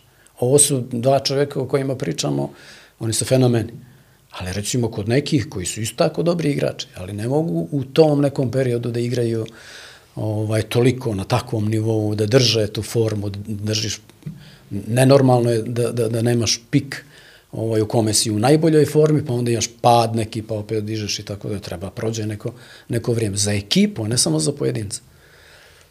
Ali eto, kažu da može na svježinu da, ako si prošao pripreme, pa se povrijedio, pa ne znam, 7, 8, 10 dana si pauzirao, e, napunio se, depoji su se napunili, onda ako su sa tobom dobro radili, taj oporavak i tako dalje, ako nisi bio pasivan potpuno, a sad da, da ležiš i da odigraš, nema šanse da, kako, to je, nemaš tonus. Ja se sjećam kad je došao trenerski u, u Dečić, to su mi pričali da je on je li ukapirao da ta ekipa u kojoj nekoj fizičkoj kondiciji i tako dalje, ovaj ne može baš da izdrži to da oni treniraju tri ili četiri dana u toku nedelje da. i da odigraju tu utakmicu kako bi on volio i uz neke zahtjeve u igri i tako, tako. to. I onda im je on uvijek posle utakmice dao sad, čini mi se, dva dana slobodno, pa onda jedan bio nekakav lagani trening, pa tako dalje, tome i slično. I tako su prošli čitav dio do one prve reprezentativne pauze, Dečić igrao lijepo, dobijali sve živo. Osvežili itd. se, da. Ono, bukvalno tako. I onda ovaj, svi se čudili kako, zašto, zbog čega. Upravo je to to, jer ako ti uvedeš neku ekipu koja, jeli, nije fizički dobro spremna i sposobna, u neki režim treninga koji oni ne mogu da izdrže, ti ih samo poga, popališ i Koliko niđe je, ih nema. možda znaš, znate, sam znaš, koliko je radna nedelja na Islandu? Drugim ljudima, običnim ljudima, smrtnicima. Nije 4 sati, jel? Nešto manje? Oni rade puno. Puno rade? Da. Vi kontra, onda ko to? Sjeverna Evropa. Recimo nekih uh, šveđani ma- manje rade mnogo. Ovaj, kod Islanđana nema nezaposlenih. Znači, svako ima posao ko hoće da radi. Uh, oni počnu da rade ujutro, negdje već oko 8, i rade posle podne skoro do 5-6. Zavisi, zavisi koji je, koji je ovaj, posao, ali uglavnom, uglavnom tako. E sad, uh, ovi koji sjeckaju ribu i tako dalje i tako dalje, ovaj, oni rade sat vremena i po sat vremena još 15 minuta pauze. I stalno tako. I od, 1, od 12 do 1 je pauza za ručak. Htio sam da kažem, kako ovo si ti počeo znači, ono optimiz, optimizacija radnog vremena, ono, znaš, kao radiš malo 5 sati danas, pa je jutra, pa petak skraćeno radno vrijeme, subota, nedelja, i onda si stalno motivisan da radiš i produktivan si, jel? Ne si ja nekoga znam neke koji su napravili ozbiljne futbolske karijere tako što ih vidi, ja... u subotu na utakmici za malo ih nešto loža ili primicač, pa onda ne treniraju do četvrtka, pa u četvrtak možda mogu malo, pa šefe mogu bi ja podradi jedan trening u petak i oni u subotu potpuno ok, da igra i završi to što treba. Da i pocijepa se subotom. I Onda opet se... pa dobro znam, ja neki Osvježava koji imaju... četiri koji, dana. Ali e, to je za Crnu Goru, ja mislim, taman. ovo. Ali, a s- evo, sad ću ti kažem jednu, jednu stvar, ovaj, možda, možda bude malo čudan. A, recimo, Dejan Savićić je bio genijalan futbaler. Znači, fantastično. Složit ćemo se. Fantastično. E sad, ja kažem, ja sam u nekom dijelu ljut na njega. Futbalski. Zašto? Zato što upravo zbog toga što je igrao tako na svježinu i znam kako je trenirao ovdje u budućnost, bio sam, ovaj, na neke treninge gledao sam, izađe nezagrijan i tako dalje, namjesti 10 lopti, ajmo džuke na gol i isšutira dvije serije, ja ne mogu više, idem da se masira. E ti si majstore nas zakinuo, jer nisi igrao svaku treću utakmicu, gdje god da si igrao, zakinuo si nas za 30% utakmica. Zakinuo si nas za ljepotu u futbalu, za ovo i za. Za bodove, za, za, pare. za sve, za sve. Ali bukvalno gledaoce, one koji su uživali u, u njegovoj igri, ti si zakinuo. A najviše je takvih. Kažu za Darka Pančeva bio 9 godina u ovome Vardaru, za 9 godina na prstima jedne ruke može nabrojati kad je došao na vrijeme na trening. A bio je kobra. Ali Znači, zato kad je otišao prvi put u neki sistem koji nije to podržavao kao što je Inter, mora da se vrati nazad. A on je, on je napravio grešku. Ovaj, I On je priznaje on napravio, to sad. priznaje. A. Ja sam Baš su čuo pričali priču. ono- Loš izbor. Tako je. Ja sam čuo priču koja je potpuno irelevantna za, za ovo, ali može da se lijepo upotpuni. Da je Peđa Mijatović na svakom treningu prilikom zagrijavanja, ono, ajmo tri kruga, da je on jedini u timu koji je išao i trčao oko zastavice. Odrađivao su. Jeste, da odradi. Ovi ostali gledaju kada je daleko uvate dijagonalu, i tad su futbaleri znali geometriju, i uvate dijagonalu da ne moraju da idu oko zastavite. Peđa nikad nijednu zastavicu nije preskočio, odnosno kažu tri kruga, prave se puna tri kruga. Da li to istina nije ili ne znam, ali Vjerovatno. jedna lijepa, jedna lijepa paralela sa, sa Znam Dejom, ja- ovaj, kako, Znam kako ja jeste, koji kako su, nije. koji su se bacali one, one jame za skok. Pa kad ovi dođu, drugi krug krug. se digne, Aha, dobro. Znači, Ima i jao, toga. Nama je, ima i toga. Da, tako. da. Meni je Bato pričao, sad ne mogu da sjetim ili to pričao u podcastu ili nije, uglavnom kad, je trebao, kad ih je trener nešto slao da trče na Goricu sa drača ili tako nečega, oni su trčali, trčali, trčali, a onda bi njih dvojica, trojica šeli neđe u nekakav ulaz i čekali da ovi se vraćaju nazad. I tako su, na primjer, odrađivali. To je, na primjer, baš I fantastično. onda, priča. I onda je jednom, onda jednom je kiša pala i ovaj, Oni su se nisu došli. vraćali, onda nije ni bilo jasno šta se dešava, kapiraš? Gdje su ovi ljudi, Jesu se što, suvi što vratili. nas ne pokupe nazad. A neka su Ako ti treneri, ja- ovaj, sjećam se jedne priče, jedan ovaj, bosanac je došao u Ajku iz Bačke Topole, je povrijeđen, ne znam, na otvorenom koljenu operaciji, to nije dobro urađeno i tako dalje, ono propadalo mu malo koljeno, ali je bio duhovit jako i tako dalje. Kažu, odvedu nas 20 km nekim kamionom, samo nas istovare, snijeg ovo ono i vraćaj se kako znaš, 20 km. I onda kad stopiraš ovo ono i tako. Ili recimo utakmica, a oni kaže svi sjednu u, u, u hotel i onako razmaknu one zavese, to su prasići, to se jede, to se pije, kaže. Ma, zadnja loža, kaže, bila najsigurnija povreda, samo se uvatiš zadnju ložu. Da se I pa pridružiš tako, se. tako, ne, nema drugi. Ovaj, kako, kako se desi? Dobro, to čuli smo ovaj, da, da uh, obrazovanje je bilo bitno i moralo je. Jeste, jeste. I moralo je, bili su preduslovi tipa armija, obrazovanje i igra se futbal zato što se voli i Tako ta je. šansa velika u, u Bačkoj Topoli, je li tako? Evo, još sam počeo i da rimujem. Pa dobro, Topoli. znaš kako, u Bačku Topolu sam otišao odavde, oženio sam se umeđu vremenu i ovaj, supruga je iz tih krajeva. Ovaj, Bačka Topola, stari Panonija, jedno mjesto pored Bačke Topole, to je kao da si došao u Švajcarsku, za neverovat, ali je tako. Malo mjesto, hiljadu stanovnika, ali sve je pod konac. Besplatan bioskop, besplatno pozorište, tako te neke stvari što je bilo čudo za... Pa onda usred te ravnice imaš svoje jezero, pa imaš svoju šumu, pa... Znači, fantastično. Dijele se besplatno ovaj, placevi, moraš za dvije godine da podigneš kuću i tako dalje, tako dalje. Jedni uslovi fenomenalni. I ovaj, dođem sa suprugom ovdje, normalno da, da krenemo ovdje život i sad, ajde, ja sam našao posao, ona nije mogla i onda se odlučimo, ja kažem njenom ocu, ako možeš da središ da počnem da se bavim trenerskim poslom u AIK-u, idemo jer ona tamo ima posao, može da ga dobije od... I tako, odem i predsjednik kluba je Terzićev otac, Zvezdana Terzića i on. Hercegovac, moj tast, ovaj, Buha, inače, džed mu je Boško Buha. Ovaj, tako, Kakav pedigree. tako da ovaj, odem, odem ovaj, tamo i počnem se bavim odem, Koliko godina? odem danas Dobro. i sjutra, ujutro u 7 sati idem u Vrnjačku banju 15 dana priprema. Jer Koliko klub ima, godina si imao? pa imao sam 28, tamo punih 28. I počnem tamo da, ovaj, niti mene ko zna, niti koga ja znam. A ko, koja je to liga? Tada su oni bili treća liga. Ispali su bili iz druge lige. Ovo je dobar, dobra jedna ekipa, ali nesretno vrijeme, 89. jul mjesec. Već počinje da se kuva. Igramo među Republičku ligu i idemo recimo dva puta u Osijek. Znači to je... Ne, ne, mogu, Pakao. ne mogu da... Znači to su već zenge, to su to je strašno. A ono, startovi, frka na sudije, povika i tako dalje. Onda ideš, ideš u Bosnu, tamo igramo utakmicu, znači naš lijevi bek izašla lopta napolju u aut i uzima, hoće da uzme loptu da baci aut, ovaj, redar vadi nož na njega. Mislim, ludilo. Ludilo. Znači, ne daj Bože. Nikome. Eto tako, u, znaš, u tim takvim nekim situacijama, onda posle, kad su krenuli ove, kad je krenuo rat, kad su krenule te ekonomske sankcije, ko, ko, ko razmišlja futbol?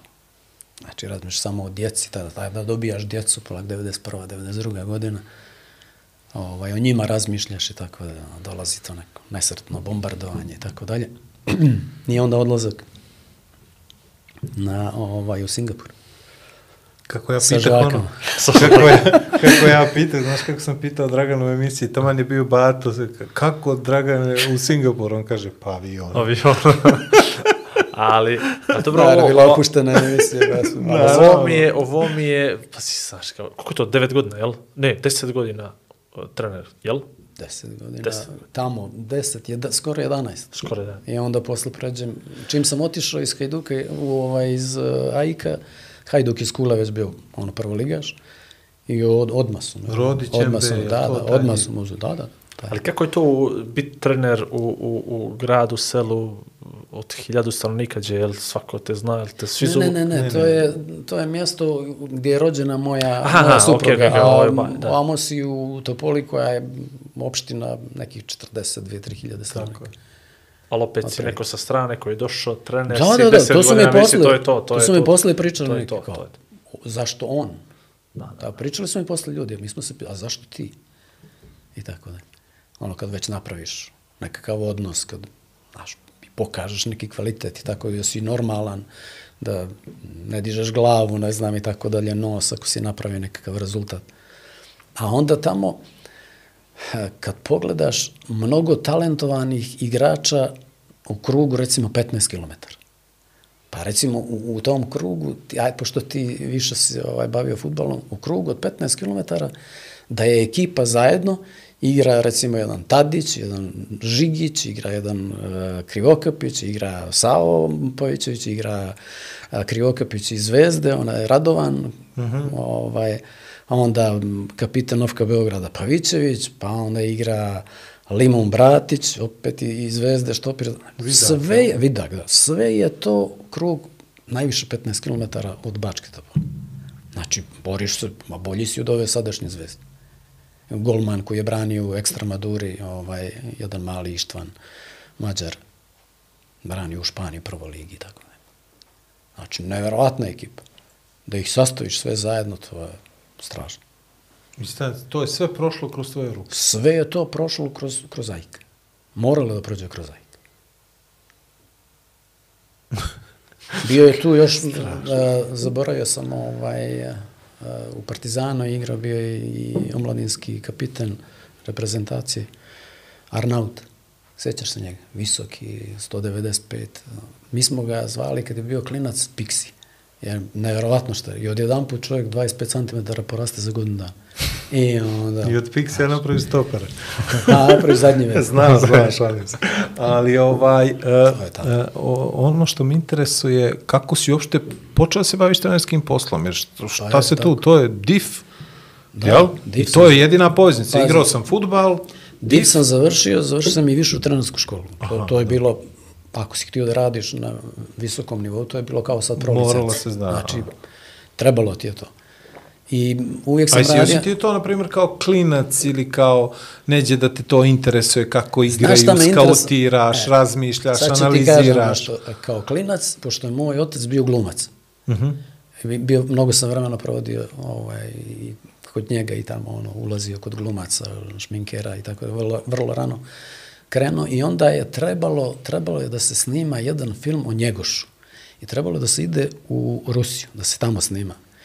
I ja sam trebao da glumim Njegoša, možda sam imao tada 10 godina, a pošto nisam nekog, nekog ovaj, rasta visokog, trebao sam da glumim Njegoša kako on kao, ne znam, mali od 6 godina je pastir koji čuva, ne znam, ovce, krave i tako dalje, tako dalje.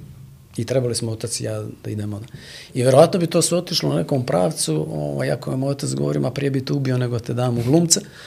Ali dobro, tako je, tako se, to me interesovalo u tom, u tom trenutku. Znači, pozorište je bilo nešto gde si uživao, gde, gde je bilo ovaj, i starija to ovaj, dobro radio tako da je bio jedan od najboljih ovaj, glumaca dječjih. Tako da to verovatno bi otišlo u tom pravcu. Onda ne znam, iz nekog razloga prestalo to da se nije, nije se našlo sredstvo da se snima film i tako dalje, ostalo je na tome. Ali pozorište, definitivno film, pozorište tako je to nešto što me, što me jako interesovalo. I kad sam studirao i tako dalje, jako često sam išao u pozorište.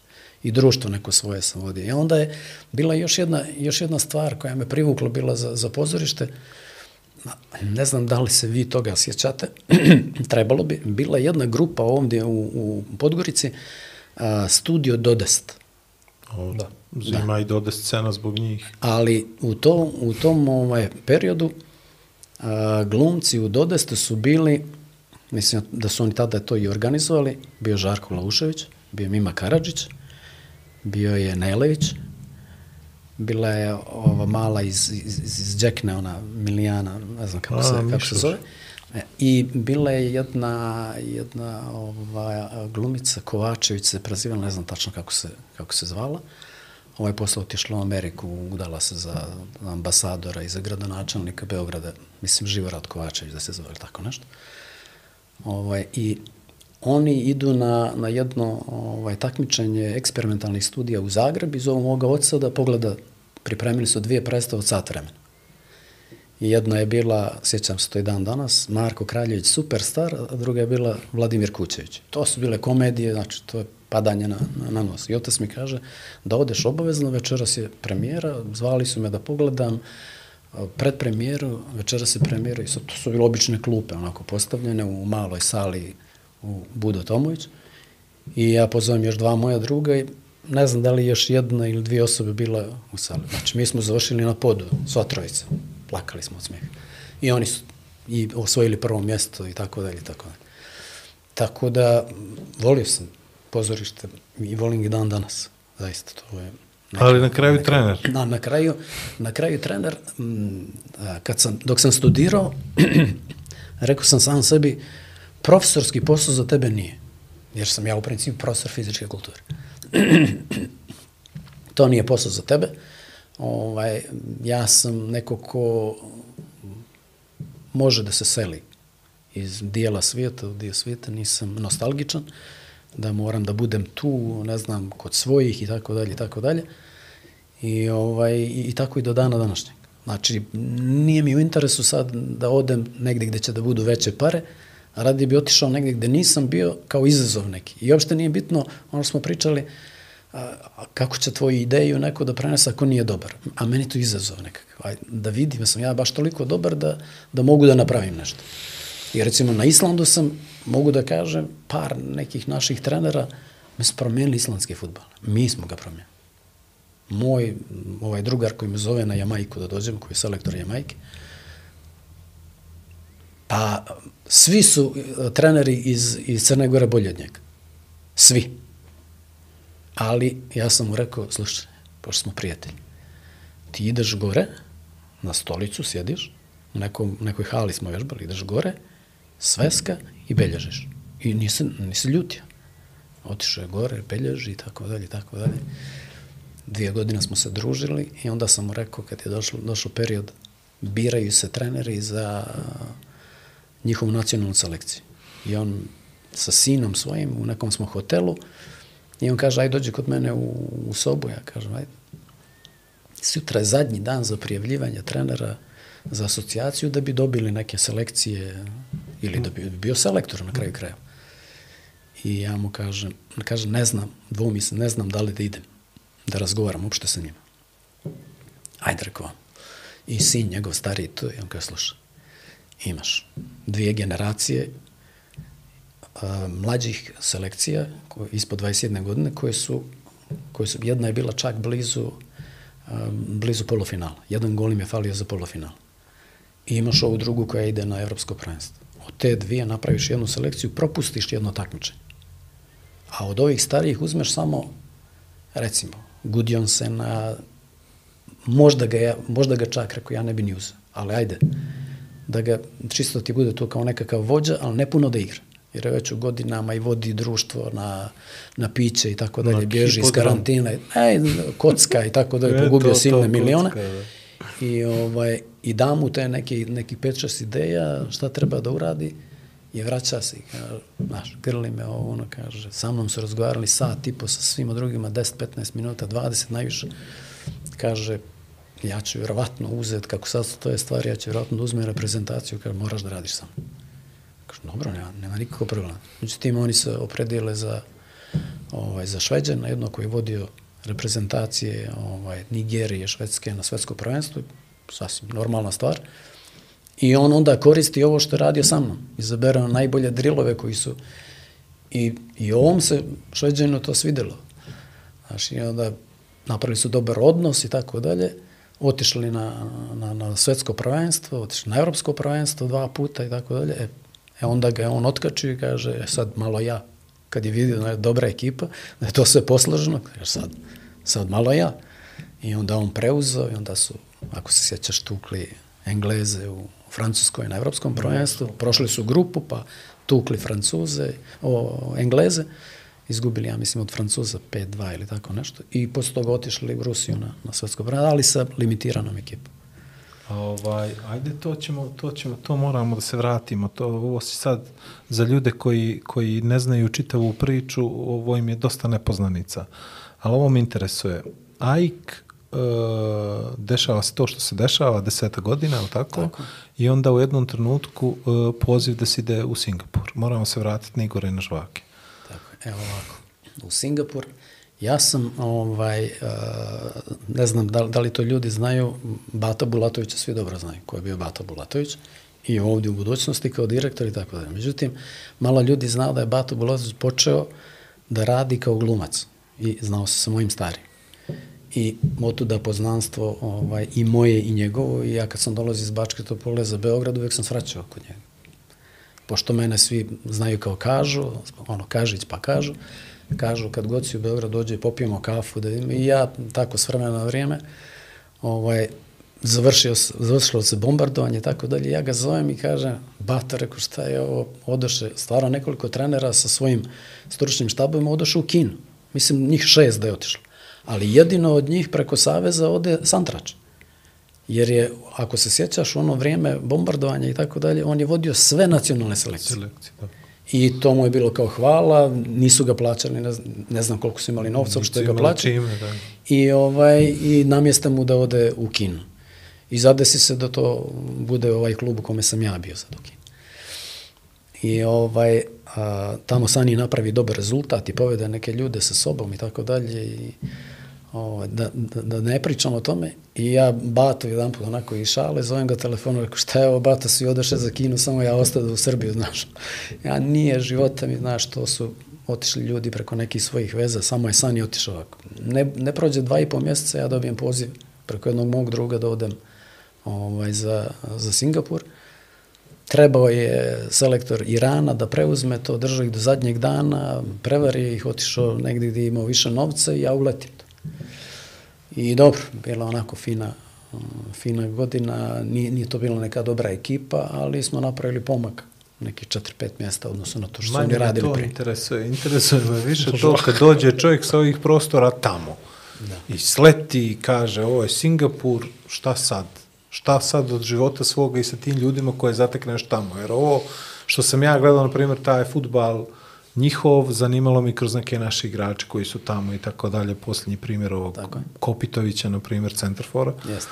gdje tamo čini mi se da On taj je ba- materijal... On je baš u tom klubu gdje sam ja bio. Jel tako? Tampines Rovers. Tampines Rovers, tako je, bravo, bravo. Ovaj, taj, to, to mi ovako liči kao da nema čovjek s čime da radi. Eto, recimo to tako. Pa Osim evo. tih nekih stranaca koji se tu pojave i očigledno prave ozbiljnu razliku. A evo sad ću da ti kažem, znači tamo me dočekuje ovaj, jedan momak koji je iz Novog pazara, ovaj, koji tamo živio, ženio se, tamo igrao, igrao u stari u, u, u Malezijskoj ligi. Malezijska liga je 5-6 godina pre nego što ću ja dođem u Singapur, u Malezijskoj ligi su igrali osam reprezentacija i osam klubova. Takva je bila Malezijska liga. 70.000 gledalaca, milionski transferi i tako dalje. Tako. Znači, jako dobra liga. I onda se to sve u jednom trenutku rasformira i Singapur koji je imao neku, neku ligu, sad stvara S ligu, profesionalnu ligu i nema ispadanja. Tada i kad sam ja bio nije bilo ispadanja, nego ono liga bez briga, igraš pa bore se Šta prve dvije, tri, četiri ekipe koje su najbolje, bore se za, za neke kupove i tako dalje, a ovi drugi tako igri. Na onim čuvenim terenima nekim između zgrada, eli? odnosno između nebodera nekih. Pa tako? bilo je, bil, da, bilo je i toga jer uh, Singapur je 30 sa 40 km.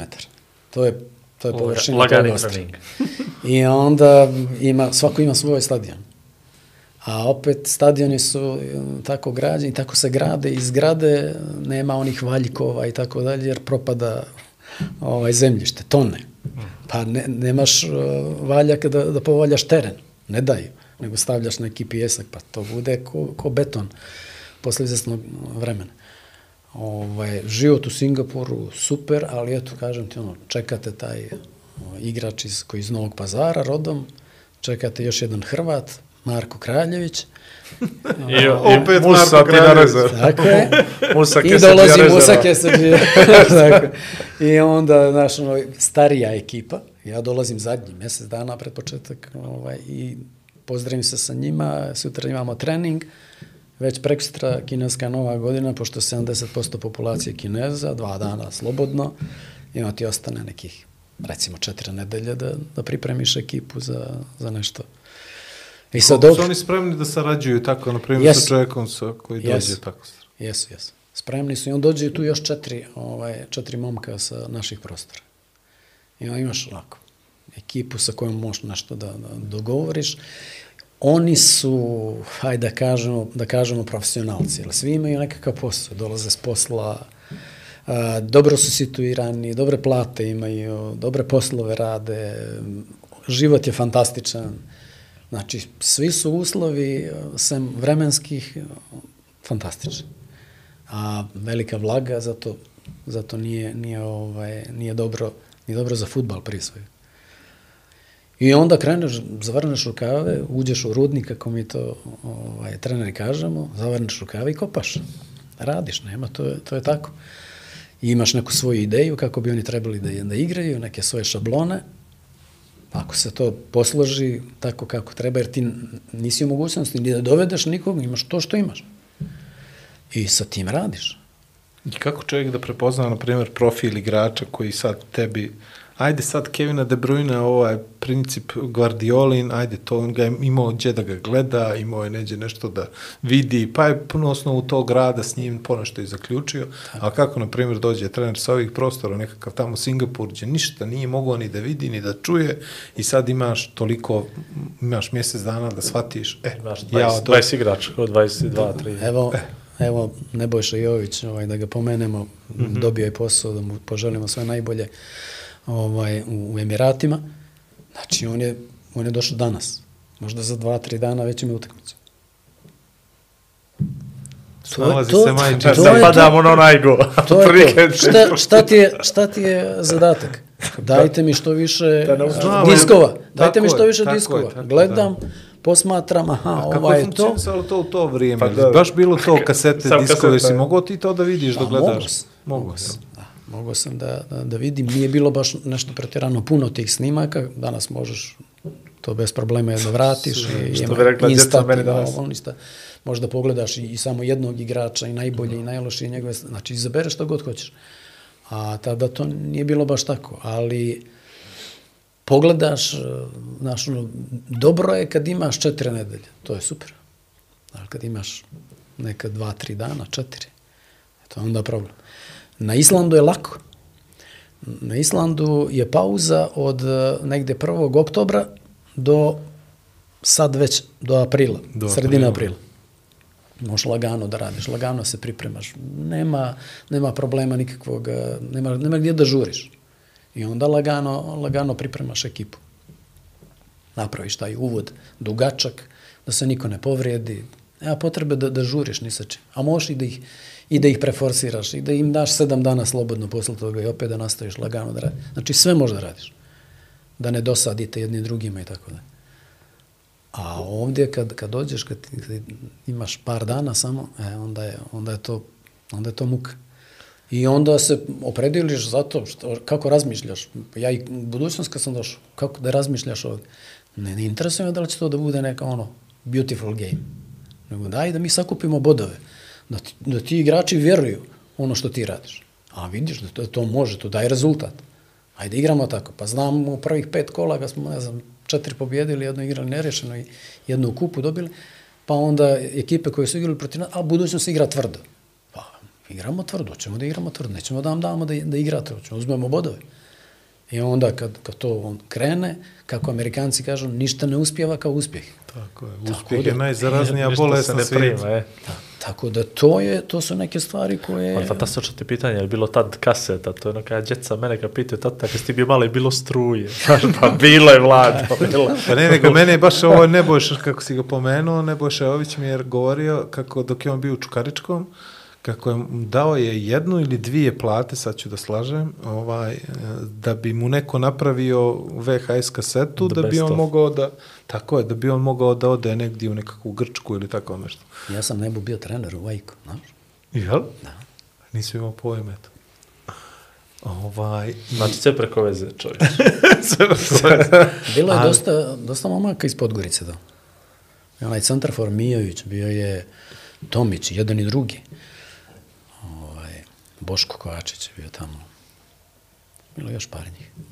e, Singapur, taj život, Pa, kažem ti, 75% Kineza, ali kultivisaniji puno nego Kinezi u Kini i tako dalje. A, nekih, da, sad ti možeš da uporediš baš da, dobro. Da. nekih 10% ovaj, Indusa i 10% Malajaca i ono 4-5% ovih ostalih. I sad, tri naroda koji su u principu ne podnose, ali dobro žive i baš ih briga. Mogu da ogovaraju ovako u, taksiju. Jeste li čuli? Da. znači, ne Onda- morate da se Onda, podnosite. onda te pitaju odakle dolaziš, odakle si, kad uđeš u taksi, taksi je izuzetno jeftin i tako dalje. I kažeš Jugoslavija, on kao Tito, znaš, odmah, to je prva, prva asocijacija i tako dalje. I primite, primete prijateljski, bez ikakvog problema. E sad, ne možeš da budeš naivan ako dođeš u ekipu u kojoj si ti šef i ne povedeš s ovom stručni štab. Svakog dana ti lome glavu. I ja dolazim u situaciju da mi je direktor kluba čovjek koji redkost za, za Singapur, koji je bio u zatvoru zbog nečeg. Indijac, a za Indice važi pravilo sretneš na ulici kobru i Indica, Na kobru. znači Indijac je gori od kobre. Bolje njega ubi, ostavi kobru, ovaj, manje će da boli, što se ono kaže. I vodi on mene sa sobom na utakmice. Tamo se igra, ovaj, igraju se utakmice po, po dvije u tri dana. I smanjen je broj kvalitetnih sudija i tako dalje i tako dalje. I idemo svuda zajedno ovaj, na utakmice i tako dalje. Njemu to sad kao nešto imponuje. Došao je trener iz, iz Jugoslavije tako dalje iz Evrope i krenulo je to dobro, da neke prijateljske utakmice i tako dalje, sve to dolaze navijači, kaže po prvi put da gledaju treninge i tako dalje.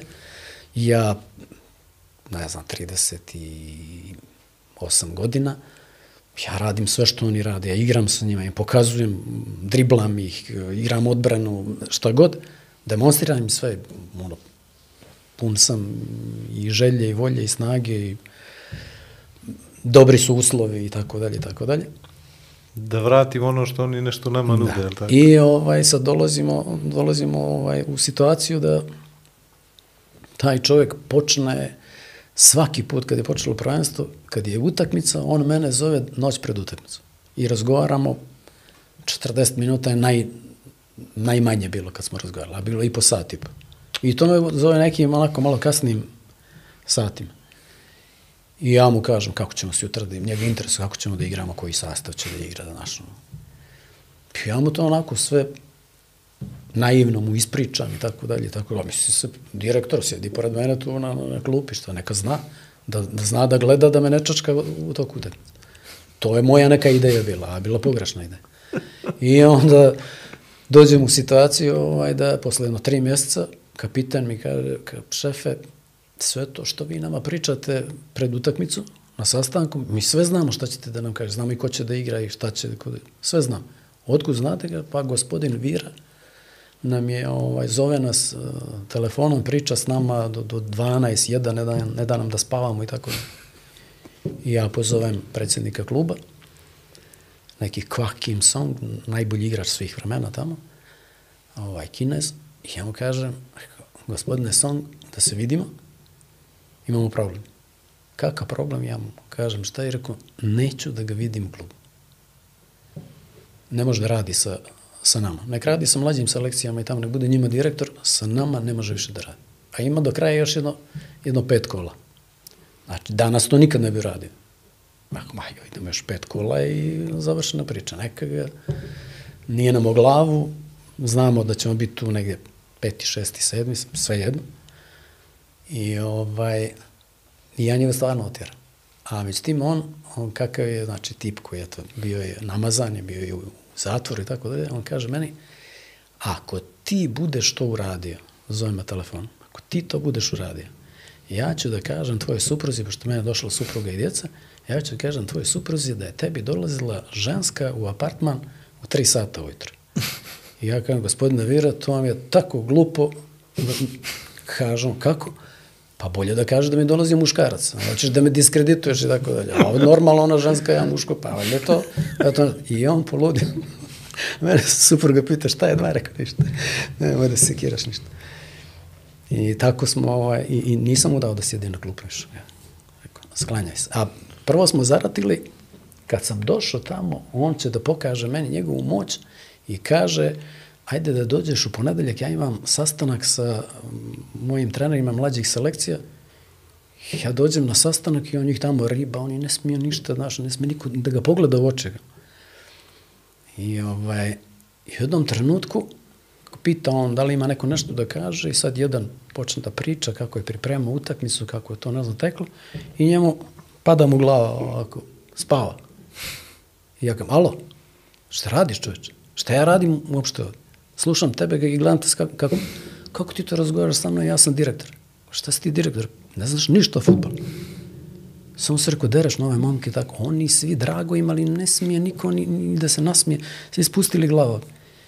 I on, znaš, zakačimo se tu ja iz džepa 500 dolara, rekao, o ja ne sto, 500 dolara, 10 puta da žongliraš. Kako ti to? A nema pojma, znači, ne, ne, ne znam, tri puta ne može. I ja one pare u džep i nemoj više da si me zvao, nikada dođem. E ako im ne pokažeš zube, ima, imate gaze, gde god odeš, stranac, samo da ti uzmu dušu. Vjeruj mi, samo dušu da ti uzmu. U, u Kini sam radio i kaže, mi hoćemo da ukrademo tebe, imamo koja je to tvoja filozofija, znaš. ono.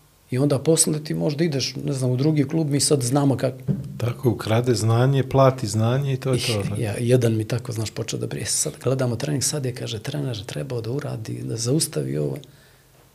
Ja ne budem li onako kao, kao da se ošišao. Pljas. Ovako, šta je? Šta ti? Ti si bankar. Ti pričaš o futbolu. Rekao, ja sam došao u Kinu, vas da učim. Rekao, nema, nema ni jednog trenera ovde u Kini, Kineza. Koga ću ja da slušam o futbolu? Nijednog nema. Prvo, nijedan nema pro licencu. Nijedan ne zna apsolutno ništa. Kao mi imamo selektora, on je radio dvije godine sa, sa Lipijem.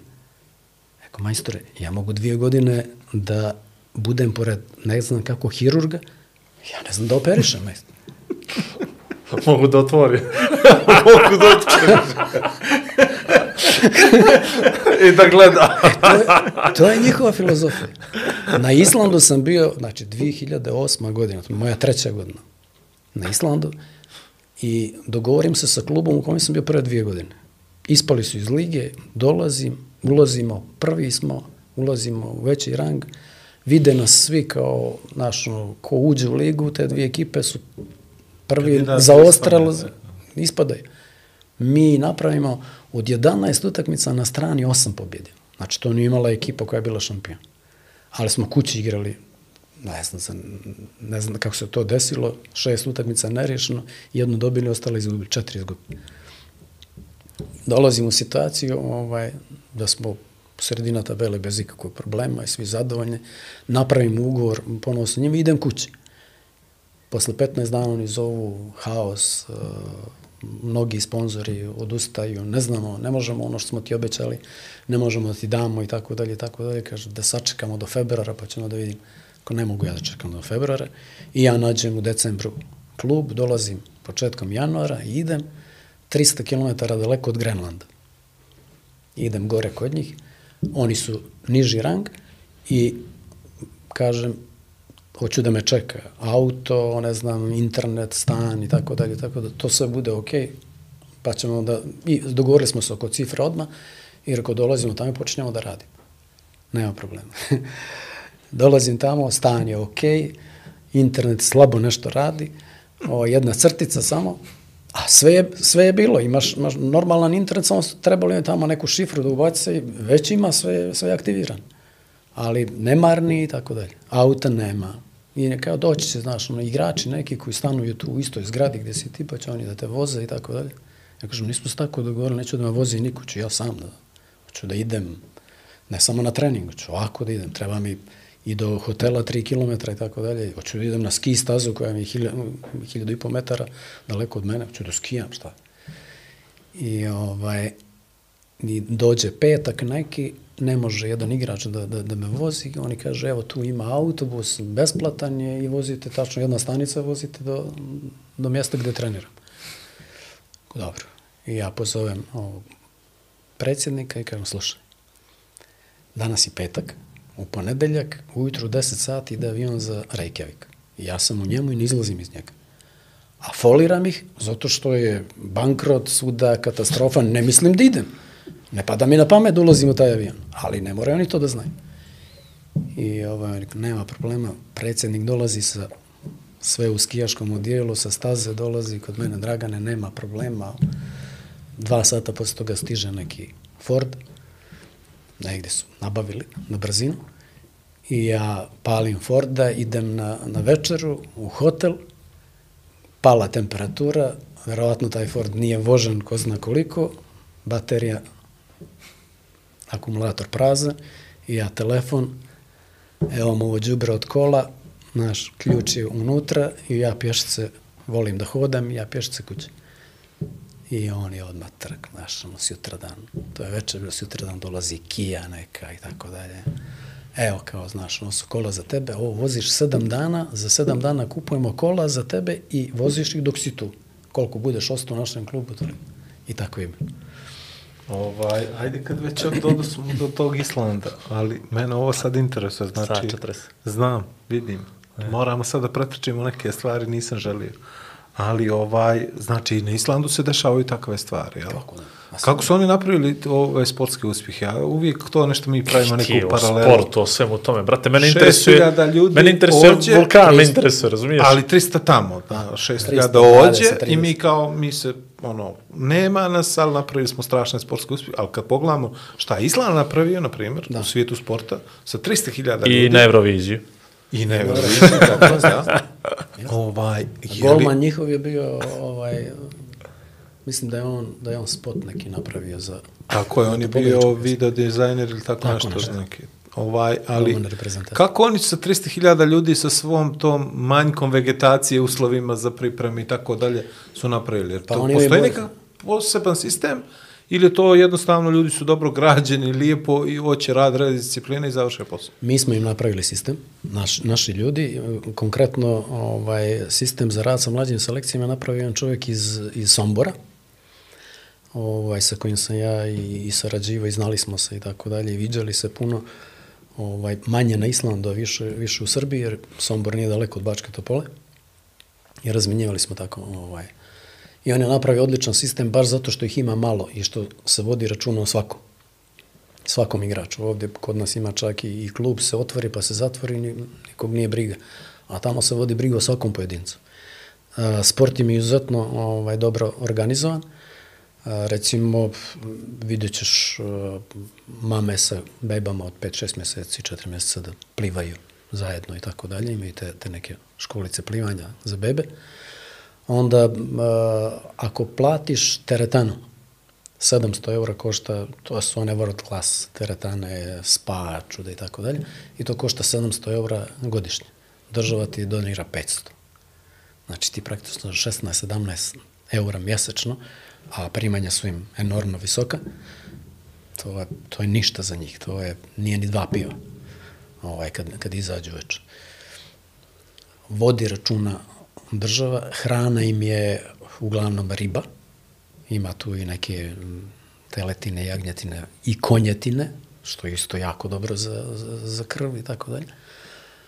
Ovaj, odlična im je voda za piće, svež vazduh, znači maltene nema fabrika, nema, nema šta da... Možda su stalno na bazičnih priprema. Stalno. Tako da nema stresa nikakvog.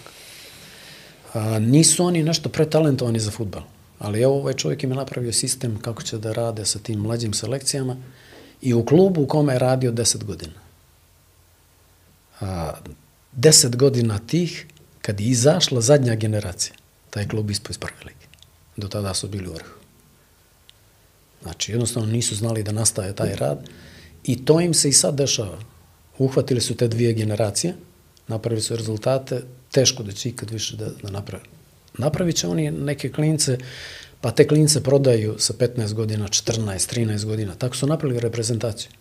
Tako, ako mi hoćemo da imamo i mi treba ove naše klince koji su dobri, koji su talentovani, pošalji ih da se dovrši nekakav njihov razvoj, bilo kakav i tako dalje, bolje nego da ih ovdje lupkaju po ramenu kad ti si strašan igrač i tako dalje, i da budeš ovdje, da budeš, da se hraniš ko zna kako i tako dalje. Tamo će neko da razmišlja o tebi. I da ti stavlja flastere, da skida ti daje suplemente i da budeš u, u futbolskom okruženju gdje ćeš da treniraš više i tako dalje. Dakle. To je, to je nekakav njihov ovaj, a, način kako su došli do rezultata. Tako je dobro Prodavali selekcija u mlađim da, kategorijama. prodavali su brzo, brzo igrače. Ja znam igrače koji su, znači, neverovatni sa, sa 17-18 godina, neverovatne konstitucije, koji su išli direktno u, u ovaj Juventus i tako dalje. Dobro, Ajax, posle Švedska, Danska, pa posle Championship, Ono ono, Premier Siktorsona, Liga, sećaš se špica iz- Siktorsona koji igra u Ajaxu. Ajax, I fantastično. bio je strašan futbol menadžer. Koja je najkl, najkomplikovanija islandska riječ koju ste U, ima ih naučili? puno. Znam, nego koju sad znaš da nam ponoviš ođe. Dobro, Reykjavik, to znam ja reći, ali dalje preko toga... Ali imaju ove složenice kao kod Njemaca, ono po, po 20 slova i tako da polomiš, recimo policija, kod njih se kaže Longrenglan, mislim, to je katastrofa. Ali. A za njih je, za njih je karakteristično, život njihov je karakterističan za mene. Recimo, kad se izlazi u, u kafić, ono, vikendom, vikendom je pijanka opšta, Da. onda izlaze unuka, mama i baba. Zajedno izlaze. I zajedno se naliju, da je to neverovatno. I onda padnu na policijska kola, pa ih policija vozi kući, tako da ne, ne smiješ u kola da uđeš, nema šanse. E, ja sam bio ovaj čovjek u koga se otimali tamo svi. Jer ja ne pijem i ja sam taj koji treba Koji da ih vozi. vozim.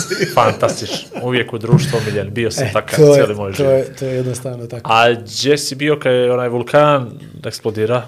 A, O, Bio sam na ovom ostrvu, ovaj, to je Ajafjolajokul, tako se zove. eto ga, to je to. ovaj, koji je poremetio sve u saobraćaju. A, 15 km, a, 30 km vazdušna linija. Od, od vulkana. Da, od vulkana. I sve se vidi odatle, jer je čistina, on je, na, on je probio ovaj, Nemaju glečer, termoelektrana tamo. probio je glečer ovaj, i sve se vidi sa ovog mog ostrava. A na mome ostrvu ima isto vulkan koji je živ i uđeš u krater i ono je toplo je kad staviš ruku ili ne znam, čak i nogu nekad. Ovaj, preko patike može da se osjeti da je. I zadnja erupcija mu je bila 73. Znači, I onda su, ga. onda su svi, onda su svi. Oni čekaju jedan, jedan ovaj, vulkan koji treba da eruptira stalno svake godine kao evo ga puni se magma, se diže gore, očekuju da eksplodira, on je deset puta jači nego ovaj Ajafjolojokul. A, ja, a, I on ako, ako je... koja je to godina bila? 2000, To je zna, 2011. Tako ili 12. 12, tako tako. Ja u Frankfurt neki sajam bio i uveče u hotel palim TV kao eksplodirao u dobro, okej, okay, super. Mislim, informacija kao informacija.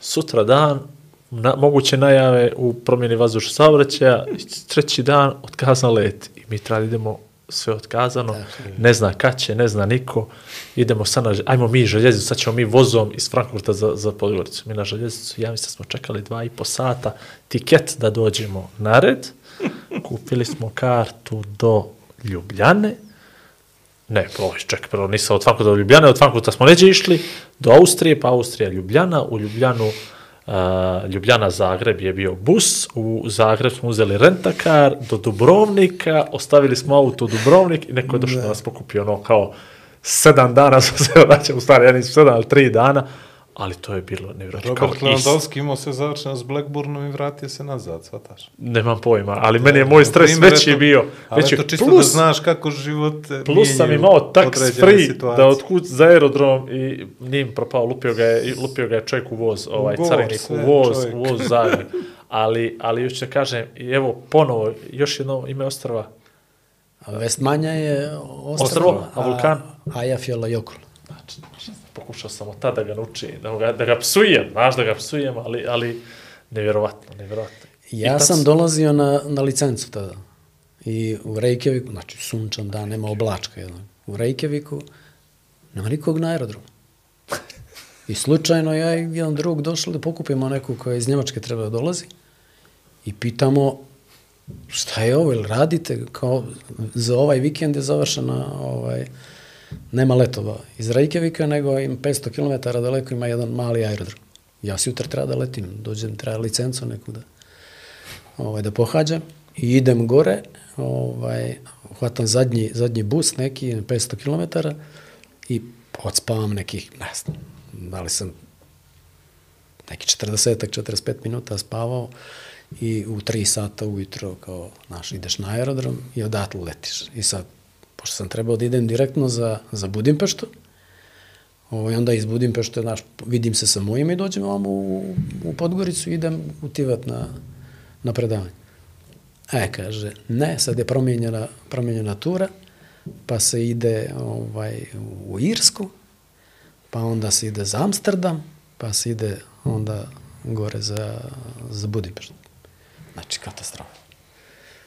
Nevjerovatno. I, ali opet to, je- i to je nevjerojatna e, priča zato što se zapravo ništa nije desilo, nijedan avion nije, ne, ne. bože, ni pao, ni oštećen, nego to su te mjere predostrožnosti Jest. za koje smo mi mislili da ne mogu, jel, da se desi da avioni ne polete, pa nas se desila vrlo brzo korona poslije toga, pa je cijeli svijet odjednom postao blokiran, pa smo postali zar...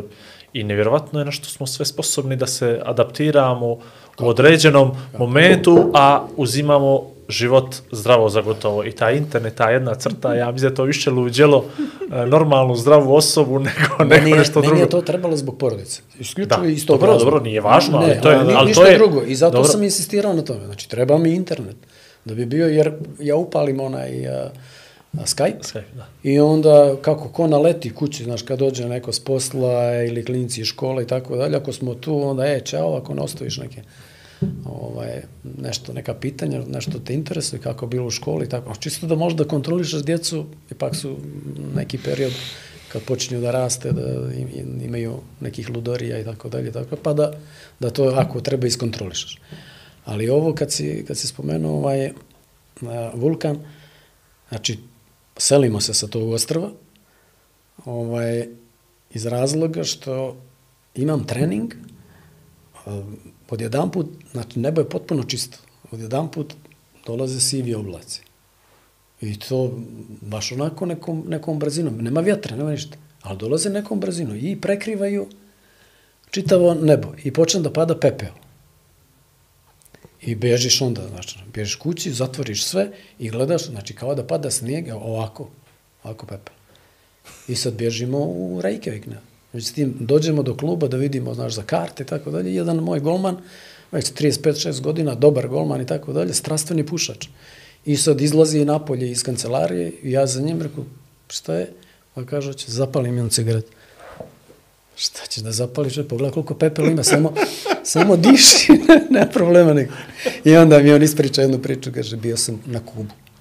Mora sam, kaže, da odem tamo. Moj najbolji drugar mi je rekao, u Kubu kad odeš, sačekat će te moj prijatelj, ideš prvo u jedan kafić i moraš da pojedeš jednu supu. Kaže, bolju supu u životu nisi ja. I onda, kaže, ideš kod čovjeka koji mota ove, ove njihove cigarete. I kaže, ja odem i stvarno supa, kaže, fantastična, ja pojedem dva tanjera. I odemo kod ovoga da, kupim, da uzmemo, kaže, ovaj tompus. On savija to ispred tebe, znaš, ono kaže, ja nisam znao gdje udara. Nisam znao za sebe. Ko zna šta je bilo u supi i u cigareti. Ali fantastična priča. Ala fijela joku. Neka, nije tako, ali, ali dako nauče. A, nije samo da su oni u futbalu dobri. Sad kad pogledaš malo, pa, pa ovaj, bilo Te gdje godine kad su igrali evropsko prvenstvo, bilo je evropsko prvenstvo u uh, košarci i u rukometu. Ah, Sa da Njemačkom su bili jedina zemlja koja imala sva tri predstavnika u tri Tako. sporta. Znači da ima tamo nešto ipak. Pa ima. I to su njihovi, njihovi igrači, znači nema i stranaca. A kako izgleda ta potpuno nezaposlenost? Mislim, to nama se dešava to sledeće godine, pa eto da se spremimo. Znaš kako, kako Ako ne, ne, sledeće, onda one tamo. Ako ne, onda one tamo. Ovako, oni imaju socijalni program koji je sad, da ti kažem, da primi mm, 1800 evra mjesečno ako nećeš da radiš. A, to bi u nekom periodu bilo, to, to je za nas fantastično, ali a, to je možda jedan dobar stan u, u Reykjaviku. Mjesečno. Renta, da. da, mjesečna renta. Otprilike tako. Jer šta se desilo te 2008. godine, ljudi su a, podigli kredite za kuće, za stanove, za kola i tako dalje, za, za sve. Oni sa 16 godina prestaju da idu u školu i počnu da žive zajedno momak i cura. I sa 17-18 dobiju dijete. Djeca dobiju dijete. I onda negdje 30. godina već će puca brak i tako dalje i tako dalje i razilaze se i u, uglavnom, uglavnom su takve, takve neke situacije. Imaš pare, m, najniža plata je, kad sam ja bio, znači te 2006. 7. godine, najniža plata je bila veća od 2000 eura. E sad zamisli dvoje mladih ljudi koji imaju 16 godina, neki imaju 2500. 5000 nek polo od toga daju na kredite za stan, da, za kola i tako. Svi, svi imaju bar jedno, jedno luksuzno auto i jedan džip. Zbog snjegova ono kad pada i tako dalje. A, dobar im je život, putuju jako puno, oni kad krenu na uh, nekakav odmor, to je obično 4 do 6 nedelja, onda je jedna nedelja, lupam, Španija, jedna nedelja Italija, jedna nedelja Austrija i tako dalje. i Tako. Oni ne idu da se kupaju nigde i da se sunčaju. To ih ne interesuje. Mi smo prve godine, kad sam bio na Islandu, bili prvi, vratili se u, u tu njihovu premier ligu i častio nas je klub da idemo na Tenerife sedam dana. I on mogu se da povedu cure, ovi koji su bili ovaj, ovaj, igrači i tako dalje, tako dalje. I odemo za sedam dana, oni su jedan put došli na plažu jedno dva sata samo zato što su bili tamo one trambuline skakavanje. Znači, kako? To je hamburger, pivo, sjede tu za šankom. Znači, i- mislio sam da će da kaže da rentiraju bicikla, da voze Naj- bicikla, da sportom se najbolja, bave. najbolja priča za njih. E. Šta, šta su oni? Znači, ima a, glavna ulica u Reykjaviku i kraj zadnje te ulice je strm. Baš strm. Da. I ide tip, nalizao se fino i nosi, nosi ovaj pivo. I op, op, op, op, znaš, gledaš ga, i hvata ga ona brzina i, i petlja nogama i odjedan put pada i oguli čitavu stranu. Ali, imenka stoji. Koliko je skupo pivo. To su, to su oni. Znači, možeš ostaviti na sto pare, ne znam, kartice, telefon, nešto, da odeš, recimo, u, u toalet, ništa od toga ti neće faliti. Ako si ostavio cigarete, neko će se poslužiti. Ako si ostavio piće, nećeš ga naći. Nevjerovatno. Meni je fascinantno bilo... I niko, niko ne plaća nikom ovaj piće. Ni momak Svako curi. sebi, jel? Niko. Je li toliko skupo ili to je takva ne, kultura? nego tako, tako je kultura. Tako, ja svako sam, sebi, jel? Ja sam sa ovim selektorom, on dok smo radili zajedno i tako dalje, ja kažem, ajde, ima tu jedan ovaj, suši ovaj, restoran, neko, ajde da pođemo na suši. Jer voliš? Volim, ajde. Odemo tamo i sad, zvao sam ga i ja idem da plaćam. Ma ne, pa ti sad meni praviš problem. Kakav ti problem pravi? Pa sad, kad ja moram da razmišljam sledeći put, da li će to što ću ja tebi da platim, da bi vratio revanš, da li, da li je to ekvivalent onoga što si, ova, što si ti platio i tako dalje. dalje. Ne, kaže, mi izađemo nas deset i svako poručuje za sebe šta hoće da jede i da pije i ide na, na kasu i provlači karticu i tako dalje. I ovi konobari to znaju belježe to tako, ne, nikakav problem. Kaže, to, to nije običaj, kaže. To mi ne, vol, ne volimo. Pa iskreno da budem što više godina provodim, odnosno što više godina živim i mislim da je to ispravnije nego ovo što mi radimo, jer ovo jest nekako galantno, jest to da se ti pokažeš, ali zapravo je duboko ukorijenjeno da stvarno nema nekog smisla prečeranog. I mi smo se nešto na Slovence sve to tako kao Jeste, ljutili. je, to, ljutili smo se ok, ajde ovo, momak i djevojka, to, to na, na jednu stranu, ali stvarno mislim da je baš fair da svako svoje plati. Nije uvrežen, uvre, jel, kod nas u kulturi, da kaže da možeš o tome nekako uh, zdravorazumski, neko će te razapeti da to pomeneš, ali upravo to stvoriš nekome problem, odnosno neko cijeli život Ne živi vole. na tuđi račun. Jes. Jednostavno kažem, ne. Ja vidio sam da ona, da je, da je ljut. Ne, praviš mi problem. Kaže, "Di- sve ćeš ti dođeš kod mene, ja ću te, znaš, ili ja ću dođem kod tebe da, da spremiš večer, sve je to vredo, ali kad idem u restoran, svako sve. Kako im je sistem obrazovanja? Jer meni se desila, na primjer, jedna sekvenca u Rusiji koja me strašno iznenadila. Ja sam prišao islanđanima i o, oni su bili naravno u svojim dresovima i tako da, tako sam prepoznao. Ja sam rekao njima kao, e, ćao, ja sam iz Crne Gore, o, imam osjećaj, o, o, imam osjećaj, treba vam se zahvalim zato što ste vi prva država koja je priznala našu, Jeste. moju zemlju. Znaš. A on mi je mrtav vladan rekao da on zna i datum referenduma i zna koje je to godine bilo. I ja sam ono kao, čovječe, da se to desilo u kontrasmjeru, ja sigurno to ne bi znao, ne znam kad je nacionalni praznik Islanda, niti bih, ne znam nije. Kako to kod njih? Ili ta njihov sistem obrazovanja stvarno, ili sam ja naletio na posebne primjerke? Mislim da je sistem obrazovanja loš. Po, Jel? po nekom mom, mom shvatanju, jer imao sam od mog prijatelja, e, čerka je mijenjala jednu profesoricu, ovaj, u, kao učiteljicu u stvari, i njihove te obrazovne ustanove, škole, ajde, a, napravljeni su tako trosjed, dvosjed, znači nema, nema klupa. Sofa tabure. Da, tako je. I sad kaže ona, ajde otvorite stranu 16 i ona djeca tamo i ona ide od, od sofe do sofe. Ja? dosjeda. I gleda i sad dođe do kod nekog dečka i kaže, a što ti nisi otvorio, ovaj, mrzi me. I ne možeš mu ništa. Mrzi ga i ideš dalje. Ovaj sad sistem koji mi imamo. Da, da. Tako da, znači, ne mislim da im je dobar sistem. Isto, kad je u pitanju, recimo, ajde, sport, pa ne znam, sad bi trebalo da bude neka medicina sportska, da bude na nekom nivou, ništa toga nema, to je, to je bez veze. Malo ti natekne ovaj, zglob, izvrneš zglobom, to odmah stavi longetu i, ili gips i tako da to je, i kao to treba, najmanja povreda dvije nedelje, kakva dvije nedelje, nema vremena da čekamo čoveče. On, oni to tako, tako jednostavno rade. A onda imaš neke, neke njihove sisteme, ovaj, što se rada tiče, puno rade, puno novca, jako puno novca zarađuju od, od ribe, to, to su milioni, to je prosto nevjerovatno, koliko, koliko ima ribe. Iš sam kod njih ovaj, u, nekom, u nekoj luci i kažu mi, ajde da ti pokažemo ovaj, mrežu. Pa ajde, vidim mrežu. Ne? E, kaže, ova mreža, sa njom idemo danas da lovimo ribe i lovimo samo ribe preko 30 kg. Pa kako znaš? 30 kg. Napravili su rupe. Pa onda, pošto je stjenovito ovaj, a, dno, onda na te mreže, na krajeve mreže zavežu nekoliko ovaj, guma.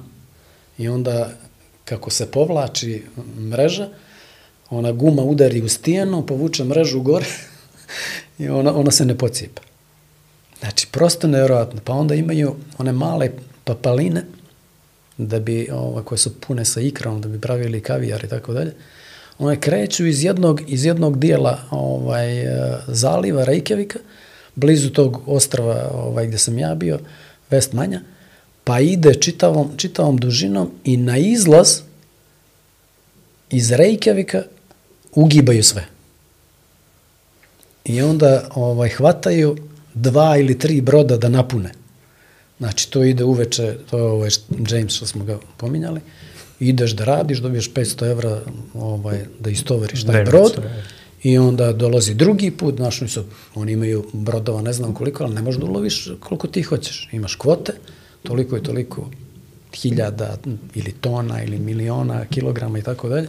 I to ti je to za godinu dana. A onda ima ovi koji, e, ove godine neću ovaj, da, da izlazim sa brodovima, daš nekome kvote, on ti da recimo 100.000, 200.000 i tako dalje, zato što će on, kažu da 3 do 4 nedelje ti treba da napuniš ovaj brod sa ribom, ona se na brodu, pošto je brod kao jedna fabrika na moru, a, hermetički je zatvorena, ide ispod vode, potona i tako dalje, sve očistiš, popakuješ u pakete za Japan, za, ne znam, Španiju, Portugaliju i tako dalje i tako dalje. I za to ti treba 3 do 4 nedelje da popakuješ nekih 200-240 tona. I plata tih mornara, kojih mislim da ima samo šest na brodu, je otprilike 500, o, 15.000 eura. I onda plate porez i to bude nekih, pošto je porez 38%, bude nekih 10.000 čisto. Ali nema toga ko ima svih 10 prstija normalno, nego to isječeno, kako su talasi. O, talas, ovo, ono pa. Drmaš se tako, šest sati radiš, šest sati ovaj, spavaš. E tako. E, to im je... Nesretnog Davida James. Čoveče, zato on nosi rukavice. Ali on, je, on, to, su, to je čišćenje na, na, na obali, Da, da, a ovo je kad ideš, Ovo je pravimo, ideš da. sa brodem. E Samo sad, on je biranim riječima, ja Da. mislim, ja sam ga pratio i ranije kao navijač Liverpool i tako dalje, on je baš biranim riječima pričao o tim momentima tamo i kako Da, ga da. je to naučilo životu i kako ga je prizemljio i kapirao je šta je propuštio u životu i šta treba dalje da radi i tako dalje. On sad ima poprilično dobar život i Pa čini mi ima se zato radi što je kao bio, pandit. u, a bio je u Indiji, za ono je zaradio Tako velike tako je, pare. da, da. Ali, uh, počeo sam da pričam ovo za, za brod. Uh, taj brod ovaj, koji donese 240 tona, otprilike je to 2 miliona eura u prodaji. Pola od toga ide na brod, na mazivo, na gorivo i tako dalje. tako. Ali opet je to za mjesec dana milion. Tako je. milion. A, dobro, to mu je kvota, ne može svaki mjesec to da radi. Da, tako da, da, da, da. Ja znam da polako ovaj, probijamo termin, ali ovo moramo, znači, Crna Gora budućnost. Čekaj, Kinu, čovječe, cijelu Kinu, onoliku Kinu, brate. Ne možemo kinu sad ništa. Crna Gora budućnost. A dobro, rekao sam ti ovo da budućnost je bila neka moja želja. Znači, došlo bi ono što se kaže i bez novca i nisam ni tražio to, ne, ne znaš šta, koliko vi date, nije problem. lako smo se dogovorili što se toga tiče, nije, bila, nije bio problem u financijama. Bila, eto, to je da, da, da, da probamo da uradimo nešto. Ovaj, ekipa je bila prva, a, prethodne godine a, dolazim, zatičem, osam igrača je već otišlo i još jedno četiri, pet ne želi da ostane u budućnosti.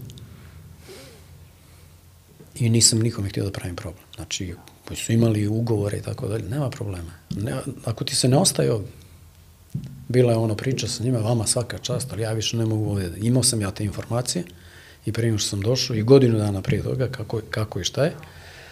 Ovaj, uglavnom i u klubu su mi rekli, mi se nismo nasmijali šest meseci ako smo bili prvaci. Bilo je nekih problema, da ne pričam o tome. Ovaj, uglavnom, ja nisam tu imao problem što se tiče rada, što se tiče želje tih momaka. Imali smo odličan odnos ovaj, sa igračima. Mislim, tu je bio problem sa Đalovićem i bio jedan problem sa ovim Ristovićem, koji nije me zadovoljio jednostavno i riješio sam da da mu kažem pred svima, ne, ne trebaš nam više, dogovori se sa upravom tamo kako da raskinete ugovor. To je to bilo, od njih sam očekivao mnogo više. Problem isto bio u tome što nismo dobili kvalitetna pojačanja ove strance. A, kvalitet je jedino pokazivao Melunović, koji je bio dobar, dobar špic. Pratio se na kraju kraju utakmice, bilo nekih sjajnih utakmica, stvarno. Ovaj, igrali smo na gol više, jednostavno je ovaj to bilo tako. Kad, kad saberem ovaj, rezultate kakve smo, kakve smo mi imali, jer smo bili drugi na tabeli, Sutjeska je bilo baš onako ubojita u tom dijelu, ali recimo nešto što je meni, meni bilo ovako malo, malo nenormalno, ako imaš pet utakmica u kupu, uz gol razliku 12-0, pet pobjeda, nisi primio gol, a izbacio si Sutjesku jednu u dvije utakmice, bio si. Čak si me pitao kako ćemo u Nikšiće. Neću da se branim, to je sigurno. E, tako. I na kraju sam ti rekao, jesmo se branili kada je završeno. I jednostavno to, to ne bi bio ja. E onda ovaj, imaš utakmice kući, računajući i utakmicu s Partizanom. A, a igrali smo bez, bez publike, 90% utakmica. Kažnjena je, kažnjena je budućnost bila. Imali smo u prvenstvu od osam utakmica, sedam pobjeda, jedno nerješeno, 0-0 protiv, protiv Petrovca. Zadnja utakmica kući. I protiv Partizana tu 0-0. E, utakmica, znači, to je, to je vrhunski bilo. Kad to sve spojiš, kupi ovo, to je zaista vrhunski. Ali nismo imali, i tu, tu nisam mogao da, da shvatim te igrače, nismo imali dobru veznu liniju otišao nam je Hočko, otišao, otišli su tako neki igrači. Mi smo imali praktično u veznoj liniji dva defanzivca, Mirkovića i bio još jedan stranac. Ne mogu sad da se sjetim više ni imena. To su igrači koji nemaju, nemaju imaginacije. Oni nisu mogli da kreiraju ništa. Oni su mogli to, zato smo igrali tvrdo, tako i tako dalje. Da prenesemo što je moguće prije da se nešto dešava tamo gde su Terzić i ova tri ofanzivna igrača. I to je bilo, to je bilo nešto što je ovaj, što smo, što smo radili. Nisu bili dobri ti rezultati na strani. Nisam bio zadovoljan nikako. Ovaj, I onda su bili neki razgovori sa, sa ovaj, predsjednikom. Mislim da da sam dobar odnos sa njim, ali dva puta smo pričali, ovaj, mislim da nije bio zadovoljan sa tim razgovorima. Ovaj, I onda se povela ta priča, izbacili smo Sutjesku iz kupa i tri dana posle toga igrali u Petrovcu 0-0, a prije toga smo imali još dvije pobjede. Znači, posle tri pobjede i nerešenog rezultata u Petrovcu počinje priča o, znaš, no kao, neki ljudi, znaš, pobjegla nam je Sutjeska i tako. Pobjegli smo i mi zeti 10 bodova, pa što drugi si, polufinale kupa, osvajaš kup jer, jer igraš finale sa, sa Igalom. Znači, osvajaš kup bez problema. E, oni dovedu drugog trenera, pa ne prođu ni u finale kupa i tako dalje. Nebitno. Tako da to je ono neko moje, moje razočarenje bilo, te igre na strani, to je ono što je bilo, što trebalo se popraviti, ali dovedeš dva igrača u veznu liniju i završeno. Postoje jedan intervju koji je podigao mnogo bure, Jest. talasa i Jest. tako dalje. gdje si ti rekao da igrači Crnoj Gori nisu na tehničko-taktičko tehničko-taktičkom nivou na kojem bi trebali nisu da obučeni, budu. ja sam rekao, obučeni, nisu da, da. obučeni. E sad, pod, pod obukom, ovaj, Vlado, ja sam, ne, ne razmišljam ja o obuci kako ti primaš i kako predaješ loptu. Nisi obučen nikako da, da, ovaj, da vodiš svoj privatan život, nisi obučen ni po nekom dijelu um, fizičke pripreme, ni po dijelu ishrane, ni po dijelu profesionalizma na treningu i tako dalje, posle treninga i svega. Znači sve ukupno, a da ne pričamo obučenost na sistemima raznim i tako dalje i tako dalje. Ali što moramo da složimo, obučeni su po pitanju mode. E pa, obučeni su. Ali ovaj, e, zašto je taj intervju, do, mislim, zašto je on iskrenuo pažnju, pa iskrenuo pažnju na pogrešan način. Ljudi su ga razvukli, ljudi iz futbala, van futbala i tako dalje, ali u stvari ti si nam rekao samo nekoliko godina ranije šta nam se ovo dešava i danas, je li tako? Ništa drugo. Samo ono što sam vidio. E, A je li to sad, sad hoću to ovo da poentiram, je li to bilo upravo iz tog razloga što si prošao nešto tamo, vidio nešto tamo, bio negdje tamo, ukapirao kako neke stvari funkcionišu, onda kao čovjek koji je vidio, bio čuo, po samo htio da skrene pažnju, a ne iz bilo kakvog alibija što su odmah neki ovaj, Kako, krenuli za, da pričaju. Zašto alibi, mislim? Za eventualne neuspjehe koji Pa će se možda desiti. Pa ne, nego igrali smo sa Partizanom, znači Tako još počelo prvenstvo. Tako. Igrali smo sa Partizanom i odigrali odličnu utakmicu.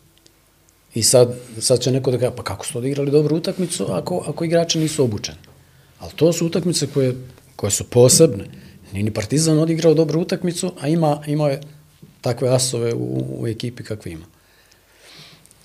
Ja sam samo htio sa tim da pomognem. Ali oni koji su me napali, evo prvi, Brana, godinu dana prije toga, ti se to dobro sjećaš, godinu dana prije toga, on u svojoj kolumni piše igra se utakmica, mislim da je, da je, da je češka ekipa bila u 19 protiv Titograda, tada se možda zove mladost. Mladost, jeste, jeste. I u dvije utakmice rezultat je 10-0. Tako, 6-0 je bila 6:0, prva tako. ovdje i 4-0 tamo. I drvlje i kamenje, kako se radi s mlađim, odnosno ne radi i tako dalje, kako, kako nije dobro. Ja sam bio na toj prvoj. I sad, i sad ovo našo počinje neka, nije važno ko je rekao, nego šta je rekao i tako dalje, ili šta je rekao i ko je rekao. Ali, momci, bre, mene to ne interesuje. Mene ne interesuje a, ko će sutra da bude, ako se mijenja predsjednik Saveza i tako da se mijenja nešto, mene ne interesuje ko će da bude. Ja znam ko je moj favorit, koga bi ja predložio, a sad ću ti kažem. I da obrazložim, obrazložim zašto. Mislim da, da to na kraju krajeva i Dejan treba da uradi. Moj favorit za to mjesto je Stevan Jovetić. Zašto? Svi ga vole u Crnoj Gori. Fino vaspitan momak. Svi ga znaju u futbolskom svijetu. Otvoreno su mu sva vrata. E sad se neki tu hoće sebe da ubace ovo, ono i tako da nemaju viziju ničega. Stevana treba pripremiti za to mjesto. To je moja, moja vizija, ono što bi ja uradio. Da se ja pitam, ja bi to uradio. O, To ovo je meni interesantno zato što pet godina ili šest, koliko ima da je prošlo vremena? Koliko ima? 17. godina. Od 17. Je li tako? Šest znači šest godina. Znači šest godina prije si nam rekao to što se dešava sad. Za šest godina možemo da spremimo Jovetića za, da bude astronaut, a ne predsjednik futbolskog povrijedi. saveza. A? Ne, nemoj to, znači nemoj mi to pominjati. Blizu je kraj njegove karijere. Tako I je, sad tako treba je, jedno je, godinu dana da ga je. neko pripremi. Nek volontira u futbolskom savezu. Pa dobro, Ima dovoljno novca, šta, mislim, nije ni, nek ide da vidi ovaj, po Evropi kako, šta, da napravi nekakav problem. Vidi se da voli. Pa kako da ne? A prvo fino je vaspitan, zna da, da razgovara sa ljudima, vole ga ljudi. Zna jezike. Ne, znaju jezike. Pet liga, sve lige petice, majstor. A sad, kad pitaš bilo koga iz futbalskog svijeta, nije važno ni, ni koje religije, ni, ni, ni kome pripada i tako da svako će se kaže za njega vrh momak. Iskoristite to. Jer svako misli, ako Dragan Kažić kaže ovo nije dobro i tako da ja guram sebe, pa ja ne bi radio ovdje, nema, nema, nema Boga. Razumiješ? Ne znam šta bi Desilo me, se- desilo se, ne ne znam šta bi E, pa me, to, ne znam šta bi me, ovaj, šta bi me natiralo da radim. Su Crnogoru Znači, ne znam šta bi me natiralo da. Da ne kažem, ajde, ne bi nikad, ali ne znam šta bi me natiralo da, da radim ponovo. Mene je sramota bilo, a, moram da pohvalim, recimo, ovaj dio koji je rađen sa U19 i ranije U17, ovo što Perišić vodi. To je odlična, odlična stvar. I fino selektirana ekipa, i dobro vođena, i dobro su igrali ove utakmice, i tako, i vidi se da tu ima kvaliteta. No, žive, rade zajedno, to se odmah osjeti. A to, znaš, kad, kad je to predlagano da se, da se to uradi? Zašto to ne, ne uradite? Pa i Francuzi i, i ovaj, Belgijanci su radili, Kroz radili praktično istu stvar. tako. Giroud je bio 24 sata, napravili su mu apartman na, na, na stadion. Nije izlazio, nije dao, ne može nijedan trener dođe sa strane, ne može nijedan igrač dođe sa strane, ma naše da pravimo, dobro, oni imaju veliku bazu. Ali postoji način kako da, da poboljšaš, poboljšaj svakog našeg igrača 30%. Da. Nama izlaze igrači iz a, škola futbala. Paze, posle izlaze sa 12 godina, 11 godina. Od 7. do 11. godine. To je 4, skoro 5 godina. Nauči ga samo po jedan element godišnje. Ali ne da, da ga naučiš da, da ga on zna kuće da ga radi, nego da ga demonstrira na utakmice. I da vidiš da li ćeš da imaš reprezentaciju, da li, će, da li će klubovi ti budu bolji. Imaš situaciju, pričali smo, izlaze ti svake godine, svake druge godine 40 igrača iz budućnosti, iz, iz Sutjeske kao dva najbolja Ako kluba. su oni dobri, sve je dobro. Pa ako se dobro radi, onda će da, da, da to bude fantazija. A oni da uzmu onih pet najboljih, a 20 ostalih da daju drugim. Pa ako se dobro radi, onda, Tako. onda će i Nek druga za liga početak i, drugu ligu, pa ćemo ih prepoznati. pa da, pojačavaće i druge, druge klubove. Da ne računamo druge klube. U svakom klubu imaš bar po, po nekoliko koji su dobri. Kvalitetni, i tako da. Samo treba se prepozna. Sad imaš, imaš čoveka, ne znam, ja mislim da je, da je u Nikšiću da vodi neku školu futbala, kome izađu dva, tri igrača koji u budućnost kupi, ne znam, ovaj mali. Pogled star, Slaviša Đurković. Iza, izađu odakle. Znači, Ček- nešto ima. Pa čekaj. Znači, kad, kad uradiš nešto s, na pravi način, kad to testiraš, kad to guraš, da, da, da, da radiš dobro i tako dalje, mora da se primi. Ima jedna, jedna priča u kojoj kažu futbalski teren je isto kao njiva koju treba da ovaj treba da da napraviš ovaj da posadiš dobro da prvo da kultivišeš taj taj teren. Znači da napraviš jedan klub koji će da funkcioniše. Pa onda ti treba dobro sjeme, sjeme su ta selekcija igrača. Pa stalno ako nije dobro sjeme ove godine zamijenit ćemo ga za drugim. Pa treba to da se đubri malo i tako dalje, tako dalje. Pa se pravi s- hibrid čuveni. Sveži, da bi, da bi na kraju opet da moliš Boga da, da rodi, da ne ubije neki grad i tako dalje, a ovdje znači da, da ne dođe neko ko će sve to da, da ometla i da, da rasproda. Ali uradiš ti to što je do tebe, pa onda ako pane grad ili... Taj, taj sistem smo mi nudili ovom rodiću MB. Rekli smo ovako, milion eura, milion eura, da uložiš svake godine u prvi tim, za četiri godine, mi tebi dajemo 10%. Znači 4 miliona i 400, njih ti. Čuveni rodić MB. A mi smo sigurni bili da ćemo ta grupacija trenera, normalno još se pojačaš, pa pokupiš ovaj, najtalentovanije, za četiri, godine, za četiri godine da napraviš od talentovanog igrača, da na- napraviš igrača. Pa to je, to je ludost. Kako? Pa moraš napraviti. Zavrneš rukave u rudnik, izvoli majster. Eto tako. Eto, to ti je odgovor na ovo, na ove koji su kukali, smo- plakali i tako dalje, da bi me ti isti zvali kad sam bio u, u, u Kini, da dođem da radim u njihovom klubu. Svu vam sreću želim. Ali lijepa Vakin. Malo smo deprimirano priveli kraju. ovaj, Nismo, nismo, nismo. Meni Mene se ova naj- ideja me- za Jovetića jako sviđa. To je okej, okay, ali mene se najviše highlight ovog podcasta je bio ovo 1800 eura na Island, da ne radiš ništa. Znači, to je ova puna zaposlenost, socijala, to je ovo što očekuje Crnu Goru, evo, ovaj, tako da je, baš se radujem tome, iskreno da budem i to što ćemo svi da imamo po dvoje auto. Znači, to je nešto... Jeep, GP luksuzno je- auto. GP e. luksuzno. Znači, to čeka. Crnu Goru i Znači, ja Crna ne Gora vozim, raduj se. znači imat ćeš četiri. Šta? Znači, Ja, ja e, ne ti, vozim, ja ću četiri, četiri bravo, bravo, bravo. Ša, evo ga, vidit ćemo. Da, baš mi je ovo, šaju, šaju će manje auto, a tebi ide džip. E, jedino ova djeca, ova djeca, ovo sa 17 godina što će da se odsele i to, ali eto koliko smo mi daleko od realnosti bilo koje, izvinjavamo se na ovom, na ovoj dozi, Žao, dozi ne našeg, znam, ja ne sam čega, danas cinizma. Juče, e, prekiče, prethodnih 3-4 dana bilo onako dosta naporno, ovaj, naporno s ljudima iz okruženja, zato što svako na svoj način tumačio nekakve stvari koje sam ja izgovorio ovako ili napisao itd. itd.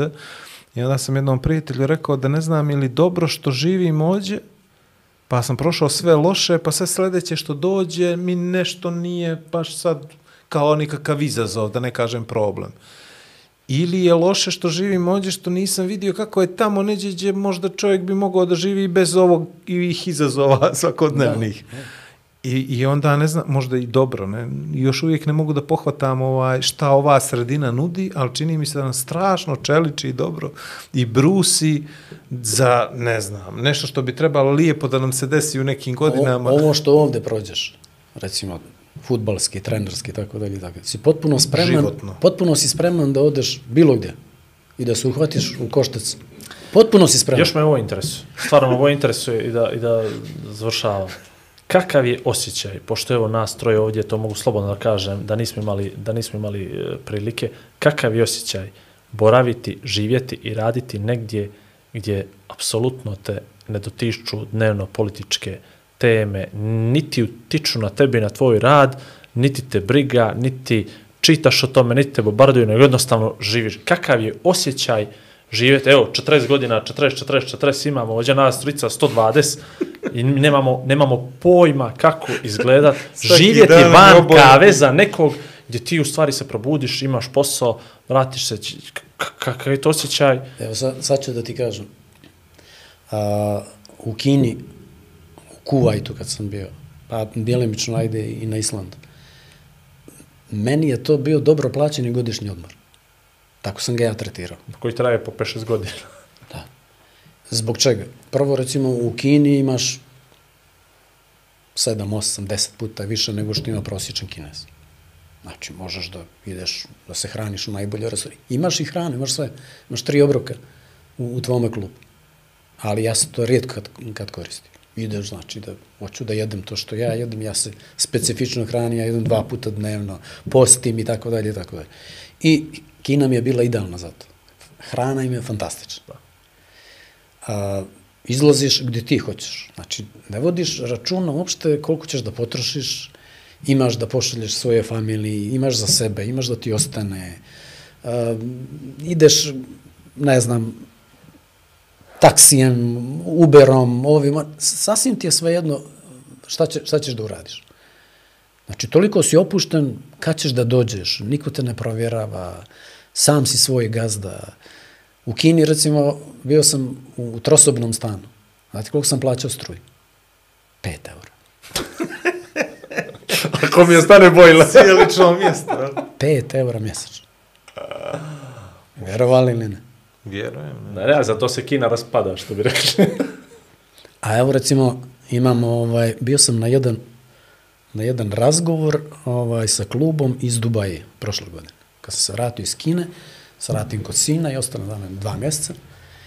I sad, pošto on tamo živi, radi i tako dalje, tako dalje, ima neke dobre kontakte i čak i radio neke poslovi za vladu Abu Dabija i Dubaja i zna te ljude koji su prvih pet ljudi u Dubaju i vode futbolski klub i tako dalje, neka tri brata i njihova sestra udata za vlasnika Manchester City, znači kompletna futbolska priča. I kaže, imamo razgovor sa jednim od te braće, da angažuje mene, ovaj, negdje to bio kraj aprila, početak maja, tako otprilike, znači, uglavnom, skoro se završava prvenstvo i od juna, sredina juna ili 1. jula već počinju pripreme.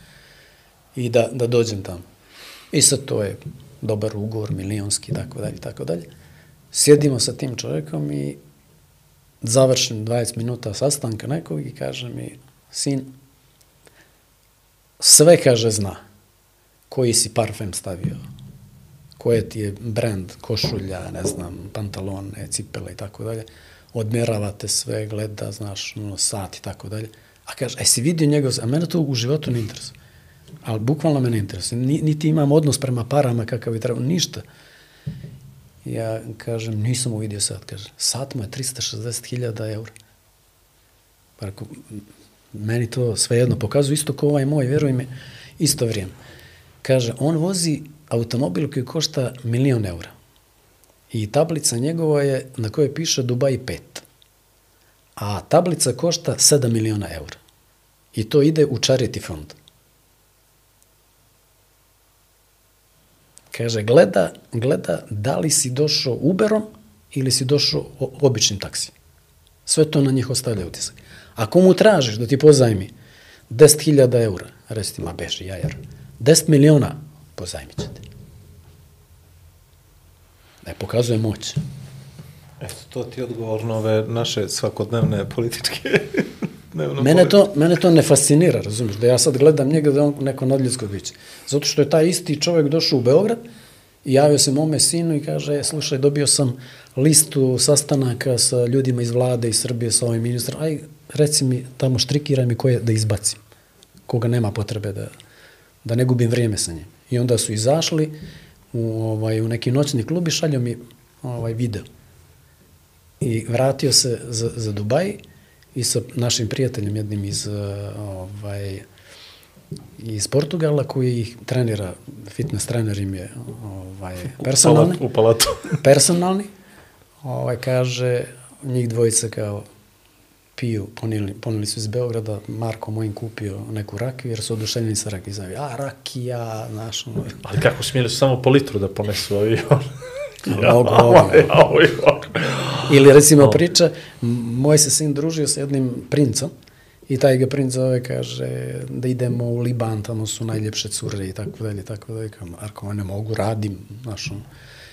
E, posle javi mu se kao, jao, Marko, kaže, posle na mjesec dana imao sam, kaže, jedan, jedan baš onako neprijatan događaj. Šta je bilo? Bio sam, kaže, u New York i odseo u Ritz i ovaj, ne znam Nije koliko dana je bio kartica. tamo i nije prošla kartica. E. I kaže, ne, neprijatno, ovaj, neprijatna situacija. I kaže, deset puta smo kaže, provlačili, ne može, znaš, ono, i kaže, imamo problem, kako ćemo da naplatimo. I on, ovaj, zovne banku i banka kaže, pa u crvenom ste, koliko ste u crvenom, koliko sam u crvenom, kaže, dva miliona dolara. U minus. I ono zove oca i otac uplati. I o- on na njih viče. Doveli ste mu nezgodnu situaciju, sram vas bilo, znaš, on nije- banku. I da, nikome nije Eto, to, To je to, a meni stalno SMS-ovi stižu. Da ne uđem u crvene. Znaš, da ne bi ušli u Nema, crveno, ne, po, molim po, vas. ne pominje SMS. Možda ja i se njemu. sjećam još ono Lukšića i ono prvoga, pošto je sad blizu prvi, kad mi snimamo ovo, kad ono ti dođe od, ovaj, na SMS da sam dao euro zato što koristiš mobilni telefon kad je bio onaj porez na luks. To, su- to su, to su lijepe stvari. Jes, jes, Kako lijep. su to lijepa vremena i naivna bila, vidiš. Dobro, znači, Ovaj. život bez bez politike stresa, bez je stresa moguć. ikakvog.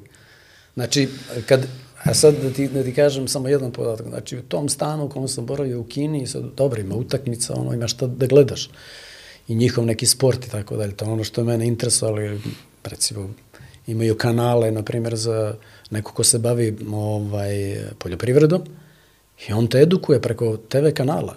Sad ćeš da staviš ovo u zemlju, sad ćeš da polivaš, sad ćeš da sadiš ovo, sad se ovo vrijeme se ovo radi, radi. Znači, edukuju te, ne moraš ni da ideš na neke škole da bi tamo neke ruralne ovaj, predjele, šta, šta tamo uspjeva, on ti kaže sve.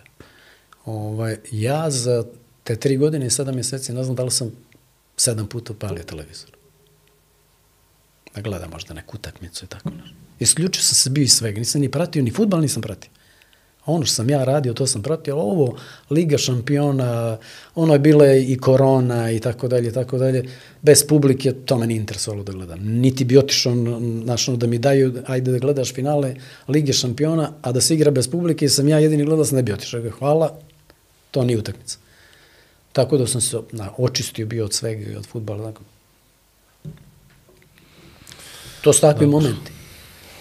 Dobro, Znači, futbal i sport mogu da te dovedu do takvih momenata i to bi trebali ljudi da Znači, u sljedećem životu zagrle. Imaš, ovaj, imaš neku nirvanu, ono, znaš, sve ti je fino, sve ti je potaman, a tamo gdje radiš, ti si za njih doktor nauka i, i to pije vodu. To, osjećaš se fino, znaš, osjećaš ono da, da si moćan, da si, da te poštuju ljudi. U Kini sam recimo dva puta bio u foreign office, ovaj, sjede tri tita, ova, ekipe snimaju, pišu, prevodioci su tu i tako dalje i jedna žena iz uh, Južne Afrike, onda jedan belgijanac, oni pričaju za, ne znam, o ekonomiji, o poljoprivredi, o ne znam, on. Ja sam bio ekspert za, za sport. I provalio sam njihov sistem odmah, posle dva, tri mjeseca kad sam došao u Kini. I sad kaže, ajde da nam, da nam kažete ovaj, šta bi mi to trebali u sistemu da, da promijenimo, jer očigledno da nešto nije u redu. A odličan sistem su napravili. Futbal u vrtiće, u škole, odličan sistem. Ali treba ti ljudstvo. Učite futbalu neko ko je, ko je igrao badminton. Kako ćeš da... Stoni Bacanja para. I onda im ja to kažem. Pa ne možete, treba, tada vam treba. Zašto ti treba najbolji, najbolja učiteljica? Prvi korak je najvažniji. Da te tada nauči kako da pišeš, kako da se ponaš, da ti, da ti utaba stazu. I više niko to ne može da ti, da ti pokvari. Kako te nauči neko da voziš bicikl ili da plivaš? Pa to nikad ne zaboravljaš. Možeš samo da učiš raznorazne stilove, da napreduješ. A ne možeš da, da, da ne znaš da plivaš. Ovo za najbolju učiteljicu je istina živa. Pa i tako i kod, kod doktora. Kod, pa ako, ti, ako hoćeš da gradiš kuću, i sad ti treba, ne znam, arhitekta neki, da ti osmisli to, imaš možda neki problem na placu i tako da ti on osmisli kako bi to otprilike trebalo, pa ti da jednu, drugu, treću ideju. Naćeš kod nekog arhitekta. Ja sad neka ćeš da platiš arhitektu hiljadu, ali onaj koji će ti da fantastičnu ideju možda košta deset hiljada. E pa onda zbog te neke ovaj, ekonomske strane izavraćaš ono koji je hiljadu, pa ajde, Ali, ali je činjenica- Ali će ti vas da biti problem, ođe, ovaj će ti ga riješiti za sva vremena, vjerovatno. Pa da, pa da, pa to je tako. E, eto tako. Jasno. Dobro. Dobro. Proleće, moj dobri vlad. Gdje leti, kažem ti. Dobro. Dva Uh, i po sat. Uh, Dragane, ovdje za kraj ima... uh, Nije valjda ponovo kafa. Ne, ne, nije kraj. spavamo. Ne spavamo. A, a, Ovo je te- ovo je ima, gore, jedan, da ima jedan običaj ovdje na kraju, kao što je običaj na početku vezan za kafu, da, da nam kažeš kako ti je bilo u podcastu, kakav je osjećaj, da nam kažeš ponešto o, o, o nama, Igora manje znaš, Niko- sad si uspio ovo, dva i pol sata. Ti i ja smo se malo družili, što na terenu, što oko njega, zahvaljujući Gorici. Jesmo, jesmo. Pa evo ovako, ovaj, eh, malo sam vas pratio, ono što se kaže na, na, na, na TV-u, nisam gledao puno tih ovaj, emisija koje ste pravili, ali znam da je ovo trend, znam po sinu mome, jer danas mi je poslao da, da pogledam jedan njegov, ovaj, jedan njegov podcast, A, to je znači trend, treba da nastavite da radite, sviđa mi se ovaj, ovaj prostor ovdje, A, ljubazni ste, definitivno, profesionalni, interesantni, prije svega i bilo mi je zadovoljstvo ovaj, da, da budem ovdje. Iznenadio sam sad kad je Igor rekao dva i po sata da je prošlo. Ovaj, znači, znači da je to ovaj, bilo dobro čim je, ovaj, čim je tako brzo, brzo proletilo. Ima još mnogo toga što bismo mogli da pričamo sigurno ovaj, o mnogim, mnogim temama, mnogo toga i nismo ni dotakli, ovaj, što bi možda bilo interesantno za nekoga ko, ko će to da gleda. A, ono što, što vam ja želim da, da pravite ovakve emisije, dovodite interesantne osobe. Danas kad sam ovaj, razmišljao o tome i upravo o nekoj kao završnoj riječi, htio sam da kažem ljudi gledajte ovaj podcast zato što je ovo nešto što se razlikuje od svega onoga po čemu vas bombarduju svaki dan sa raznoraznih televizija, obojeno politički, namješteni, a, lažni fake intervju i tako dalje i tako dalje. Ovo je nešto što je živo, ništa nije namješteno, sem što ste mene naučili da, da kafu spremam. Ovaj, I to je, to je nešto što, što bi ja zaista predložio nekome ovaj, da, da gleda. Prije nego, nego kažemo ovo što smo gledamo ova mučenja od skupštine do, do, do svađe ovih političara i tako dalje tako dalje. I baš sam o tome danas razmišljao, rekao, ajde na, na, na kraju, htio sam baš, baš ovo da kažem. Ljudi, gledajte ove stvari, mnogo ćete više da, da, da čujete, da naučite još ako budete doveli neke interesantne goste, interesantni nego što sam ja. U svakom slučaju koji imaju šta da vam, da vam, da vam pruže, sigurno ćete imati gledanost. To je sigurno.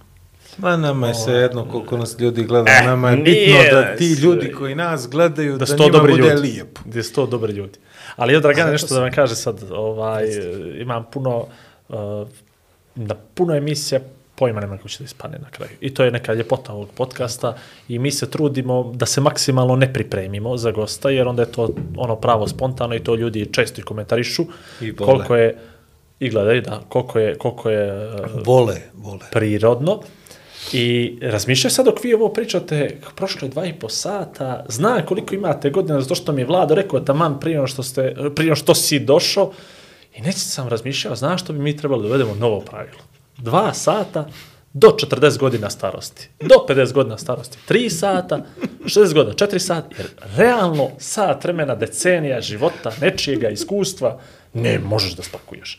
A ne znam što je bilo interesantnije koji dio, ja bi još u islam, jer vidi, ovaj podcast nije niti sport, ni, ni, nego Gdje? sve, jel, mi učimo ljude Ne i samo kulturi, o Islandu, ponašanju, nego i o tim- Kini, tako i o- o Singavu, o žvakama, ja još nisam sve, ali nažalost nećemo sad ni poslije ovaj, Onda da tih pričamo o tome. koliko ima iz futbala, Tako mogu je. misliti E. koje smo preskočili. To je to. I mislim da bi da to trebalo sljedeće sezone neđe do, kao pravilo, koliko godina, pa nekako formulu, neku da ljudi znaju kad će jedno voće brali da traje jedno 7 sati, dobro iđe ovoga, dovedoše sad, ali 7 sati da se naoružavamo strpljenje i uvedemo novo kuvanje kafe poslije 2,5 sata, na primjer, sad mala kratka pauzica za novu kafu i to je to. Jesti šaju, Ajde, ja, ja, hoću, ovaj, ja hoću nešto da, da vam kažem, ovaj, da obećam nešto. Ako, ono što smo pričali, ako, ako bude ovaj, sve kako treba za ovaj odlazak eventualno u, u Jamajku, i ako se prođe, a nadam se da bi, da bi taj projekat mogli da završimo ovaj, u nekom, nekom pozitivnom dijelu, plasmanom nekim na, na svetskom prvenstvu i tako dalje, jer će biti ovaj, kvalifikacije mnogo lakše. Kad bi se to desilo, pa da napravimo tamo jedan post- podcast, jednu, priču, tamo negdje. Šajo, bil ti mogo šajo? Ne može, ali za... Zna, Dosad je spavao, ali znaš sad zbog čega to probudi. Igore kaže? Zato što ja nisam znao koliko je to tako, tako blizu. Recimo, uh, Jamajka, Kuba, 140 km. Jamajka, Dominikana, 190 km. Ajde, da ne pričam tu Haiti, ovo, ono i tako dalje, ova druga manja ostraca i tako. Znači, to bi bilo mnogo interesantno napraviti, znači, neku turu brodom i tako dalje. E, Pa još podcast ću ovo da kažem i stvarno sad završavamo jer ćemo svi da poludimo. Uh, obično i znaju me ljudi, pogotovo prijatelji, ono što kažem, to je zakon i nema preko toga i zna moja supruga to najbolje i e, pitala me početkom prošle godine gdje ćemo ove godine kao da je povedem i to i Jamajka se pojavila na radaru. I kao tamo nikad, pa ko je bio, misli koga znaš u životu da je bio nekad nema, ja ne znam nikoga, ali je li Bob, za Bob Marlija svi znamo i za sve to tamo što ide. I ovoliko je falilo ove godine, a za to sam čvrsto obećao sljedeću godinu, tako da ja idem, ovaj, oprosti Vlado Šaju to, ali nemam problem da odem dva puta. Da, da. Vidi, Da dva puta, dva puta. Dva puta je dva puta. Ovaj, neka sad ostane ovo da sam i javno izgovorenu riječ, tako da ovaj, trebao sam i prije toga i mm, svašta sam pročitao o, o, o Jamajci, ima i lijepoga i naravno i ružnoga, u Jeste, takvim jeste. pogotovo tim egzotičnim ovaj, državama treba se malo pripaziti, ali, ali pogotovo taj dio lijepi kad čovjek ima novca, što se kaže, kad ne mora da stopira i, i da zalazi u neke krajeve, može to jako lijepo da bude. Kako da. I ovaj, siguran sam, Vlado, ne brini ništa, samo taj pasoš vidi, molim te. Pasoš je do kome- 29, Jel, do 29, šaj. Ne. Ja mislim da ne treba. Ne, ne, Nešto sam ja čitao, ne treba. Ne, ne. Ne. Čak ovaj moj prijatelj, ovaj islanđanin Heimir, koji je tamo od januara radi, nema ni radnu dozvolu. Ni, Ako bude kakvi, Dragane, što mogu stvarno da vam obećavam, ako bude kakvih problema, uh, definitivno snimat ćemo Igor bez vlada podcast tamo i to je jedno potpuno, jedno, Igor, Igor bez vlada sa šajom podcast, E, nikakav dobro, problem. mogli bi, mogli bi to, pa pazi, ako ne bude Jamajka, Ja može da bude, razumiješ, neka, neka destinacija. Dominikana, nešto, ne. ne, što god, meni se sviđa izbor. Znači, Singapur, Kuwait, uh, Island, Kina, ja sam, dobro, a bač kad je ovo na početku, to bi preskočio, ali svaki početak je težak, sve ostalo ne sumnjam, ne sumnjam u, u Kina izbore. je, Kina je fantastična. Da. Znači, fantastična. Dobro. Ajde, Trojka. trojka, trojka, kamera trojka. Ovaj, ne znam šta da vam kažem, poštovani gledalci. Ovi ljudi što ih ja upoznajem kroz posao su divni ljudi, uglavnom. ako nisu političari. Šalim se, dobri si to ljudi, samo kad maknu onu masku partijsku. Nastavi vlada. U tom smislu ja ne ovaj, pratit, ćemo, pratit ćemo život i- rad Dragana Kažića. Od sad, sad imamo još jedan razlog više, što bi rekao Igor. Motivisani Ali u principu ovo što smo probali da vam ispričamo u prethodnih dva i po i malo jače, to je da morate shvatite da sport nudi mnogo više mogućnosti nego što mislite da je obično udaranje sa loptom bilo kakvom loptom i da sport vam nudi mnogo više mogućnosti nego što vam je taj neki žiro račun pun ili prepun ili polupun. I sport vam nudi da se nadogradite na različitim platformama, kao što je to Dragan uspio, na različitim meridijanima, da upoznate razne ljude, evo kao što je na primjer, bivši selektor Islanda, a sada selektor Jamajke, koji je vrlo zainteresovan da opet na neki način ovaj se druži radi sa njim. Tako da morate da poštujete što vam sport nudi i sport će vam vratiti prije nego čini mi se bilo koja neka druga profesija. I ako smo uspjeli da vam to nekako dokažemo u prethodnom periodu, onda smo uspjeli. Ako nismo, Bože moj, mi ćemo dalje, jel? Gledajte nas ponovo. Gle- Gledajte na repeat. Ovaj, dobro, lipo, lipo si ovo rekao. Mislim, ovo ti je fantastičan govor za kraj sezone, ali imamo još jednu epizodu do toga. Mogu ja ovo ponoviti? Ali, ali napisat ćeš, neki, napisat ćeš bolje. Kolumnu napiše za sljedeće. To, to, da Kolumnu se zamjerim napiši, da opet pročitaš. pola Crne Gore. Uglavnom, uh, saglasan, bilo je, stvarno je bilo inspirativno, ozbilj, baš sam uživao, nevjerovatno. I kao što rekao, potpuno nespremni, ja pogotovo, ovaj, dođem i jednostavno pijam, učim i često znam mi se desi da pogledam ponovo ovaj podcast, da čujem, da utvrdim tu, tu temu i znam jedino što će mi žao biti što će se rodi to na novih pitanja koje nisam već postavio, ali eto, to je to, ništa je, to je ovaj downside našeg posla, jel? Tako je, tako Ovaj, ljudi gledaju i stalno i Tako, dobijaju oni ono neke bilo, nove bio nam je Maksim Živaljević ovdje i mi smo ga pitali šta se desilo u njegovoj glavi kad je Kad Delibašić dao- dao, dao gol. kao, sve kako- drugo smo kao Kako to niste čovjeka pitali? Kaže, A ja ono kao čitam komentar kao, vi stvarno Pa dobro pitanje, ali, ali da nas je deseto rođe bilo, možda niko ne bi se toga sjetio. Ali, ali eto. Uglavnom, došli smo do kraja uh, 13. epizode sedme sezone Igor i Vlado podcasta. Tako je. Hvala generalnom A, Meridian Bet? Hvala Mija Kazi što nas je opremila dolje, hvala Elko Timu što nas je svijetio da zgo, hvala Kimbu za espresso, hvala Gorski što nas je hitrirala, hvala Red Bullu za taj frižider i limenkici za vlada. misli da mi uzimamo grdne para. I uzimamo vladu i to je taj stav čovječ i to je taj stav i to privlači druge i, i uzimamo nego što ne uzimamo. Pa Od čega sve ovo? Majica, roba, svijet, od čega od toga. A, danas ste uživali, odavno nismo ovoliko snimali. Ne. Završavamo i ovu epizodu u stari crnogorski pozdrav. Aj, prijatno. kruže priče gradom Ko, gde, kada, što? Igor i Vlado. Aha, Aha znam. Časte te kafom. Ma nemo. Duhom i nadom. Opa. Igor i Vlado. Zabave dosta. Igor i Vlado. Kulture sporta. Glavom i bradom. Vrhovski podcast.